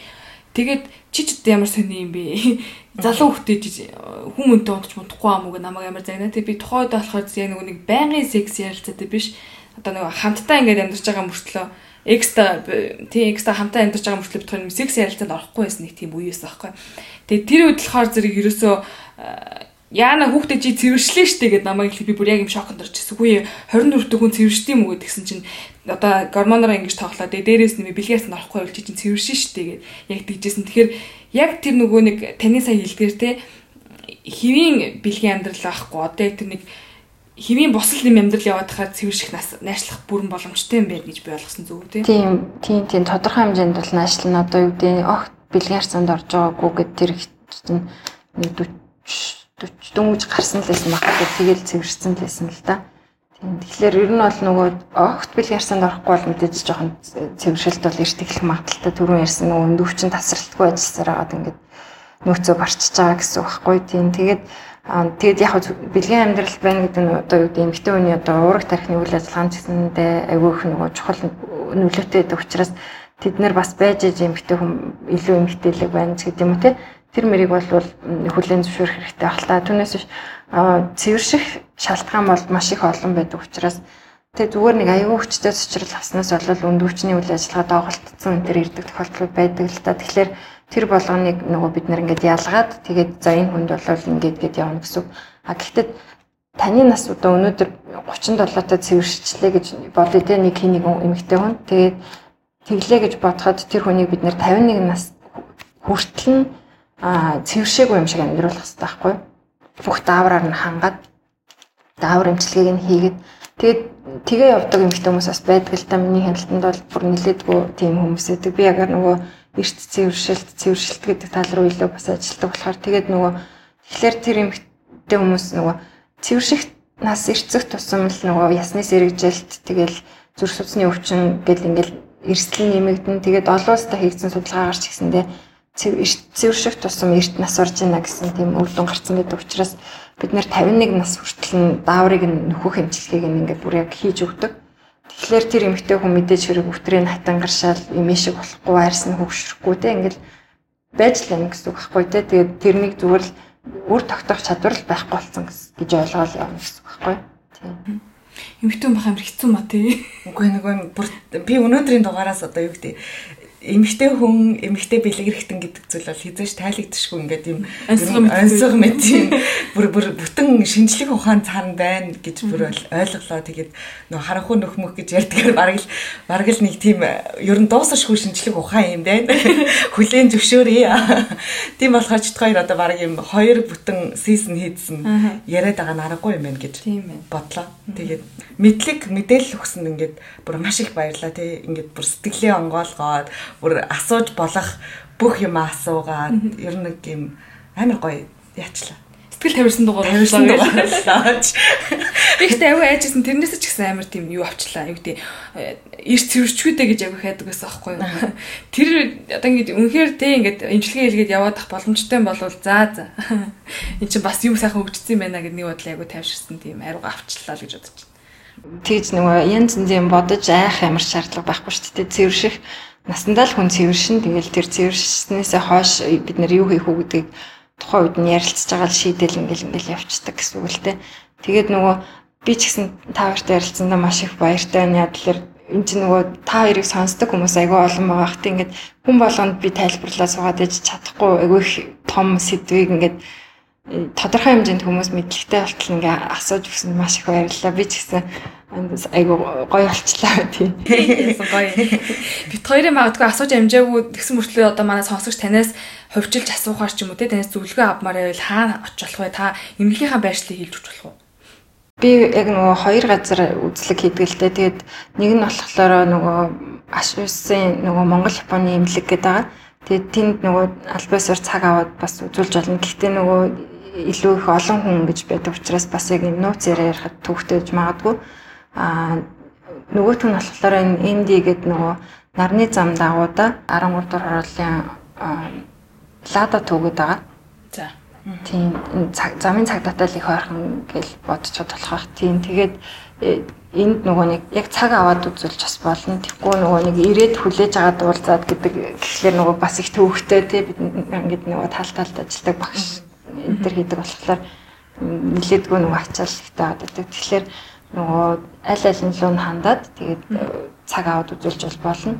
Лада төвийн дөрөв давхарт нь байдаг эмнэлгийн утасны дугаарыг 77 30 19 19 гэдэг. Гэхдээ зөвхөн ажлын цагаар буюу нөгөө 10-аас 6 цагийн хооронд хариулах боломжтой. За нэг сайхан юмжтай болж авлаа.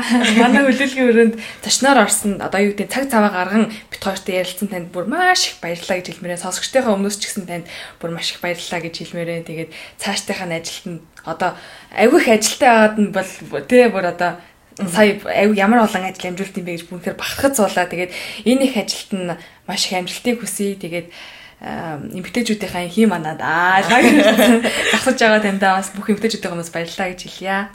За баярлалаа. Та хоёрт ч гэсэн маш их баярлалаа. Нөгөө үргэлжлүүлээд тийм нөгөө энэ подкаст маань явна гэдэгт бүр итгэлтэй байна. Тэгээд тэгэхээр нөгөө нэг яг ийм асуудлыг тийм нөгөө нэг ингээ хүндсэн эмгтээ хүн чинь бүр маш их асуудалтай шүү дээ тийм угаасаа эмгтээ хөөс гэдэг чинь тэгэхээр ярих сэдв маань ч дуусахгүй байх гэж бодож байна. Тэгээд та хоёрын чухал те нөгөө нэг э, одоо нийгмийн амьдралд хийж байгаа contribution те тийм миний зүгээс ч гэсэн баярлалаа гэж хэлмээр байна. Тэгээд амжилт хүсье. Маш баярлалаа. За өнөөдрийн тэгээд хүлээлгийн өрөөний нэг дугаар ингээд энд хүрээд өндөрлж байна. Тэгээд бид гурийн яриа бараг цаг 30 минут ингээд үргэлжилсэн байна. Тэгээд ер нь бол яриа л байл яриа л ах юм байна. Бүр дундрахгүй байна. Тэгээд ажиллаа бодъё. Энчигээс ажилт нь явуулъя. Тэгээд өнөөдөр өнөөдрийг бид нартай бид гуравтай хамт байсан та бүхэндээ баярлалаа гэд нэг ч гэсэн мэдлэг мэдээлэл олж авсан байх гэж бодоод энэ дугаараа ингээд төгсгөё. Тэгээ хүлээлгийн өрөөнд заяа ариуна бацун эмч гурав байлаа. Дараагийн дугаар хүртэл баяртай манайхаа. Баяртай. Баяртай. За.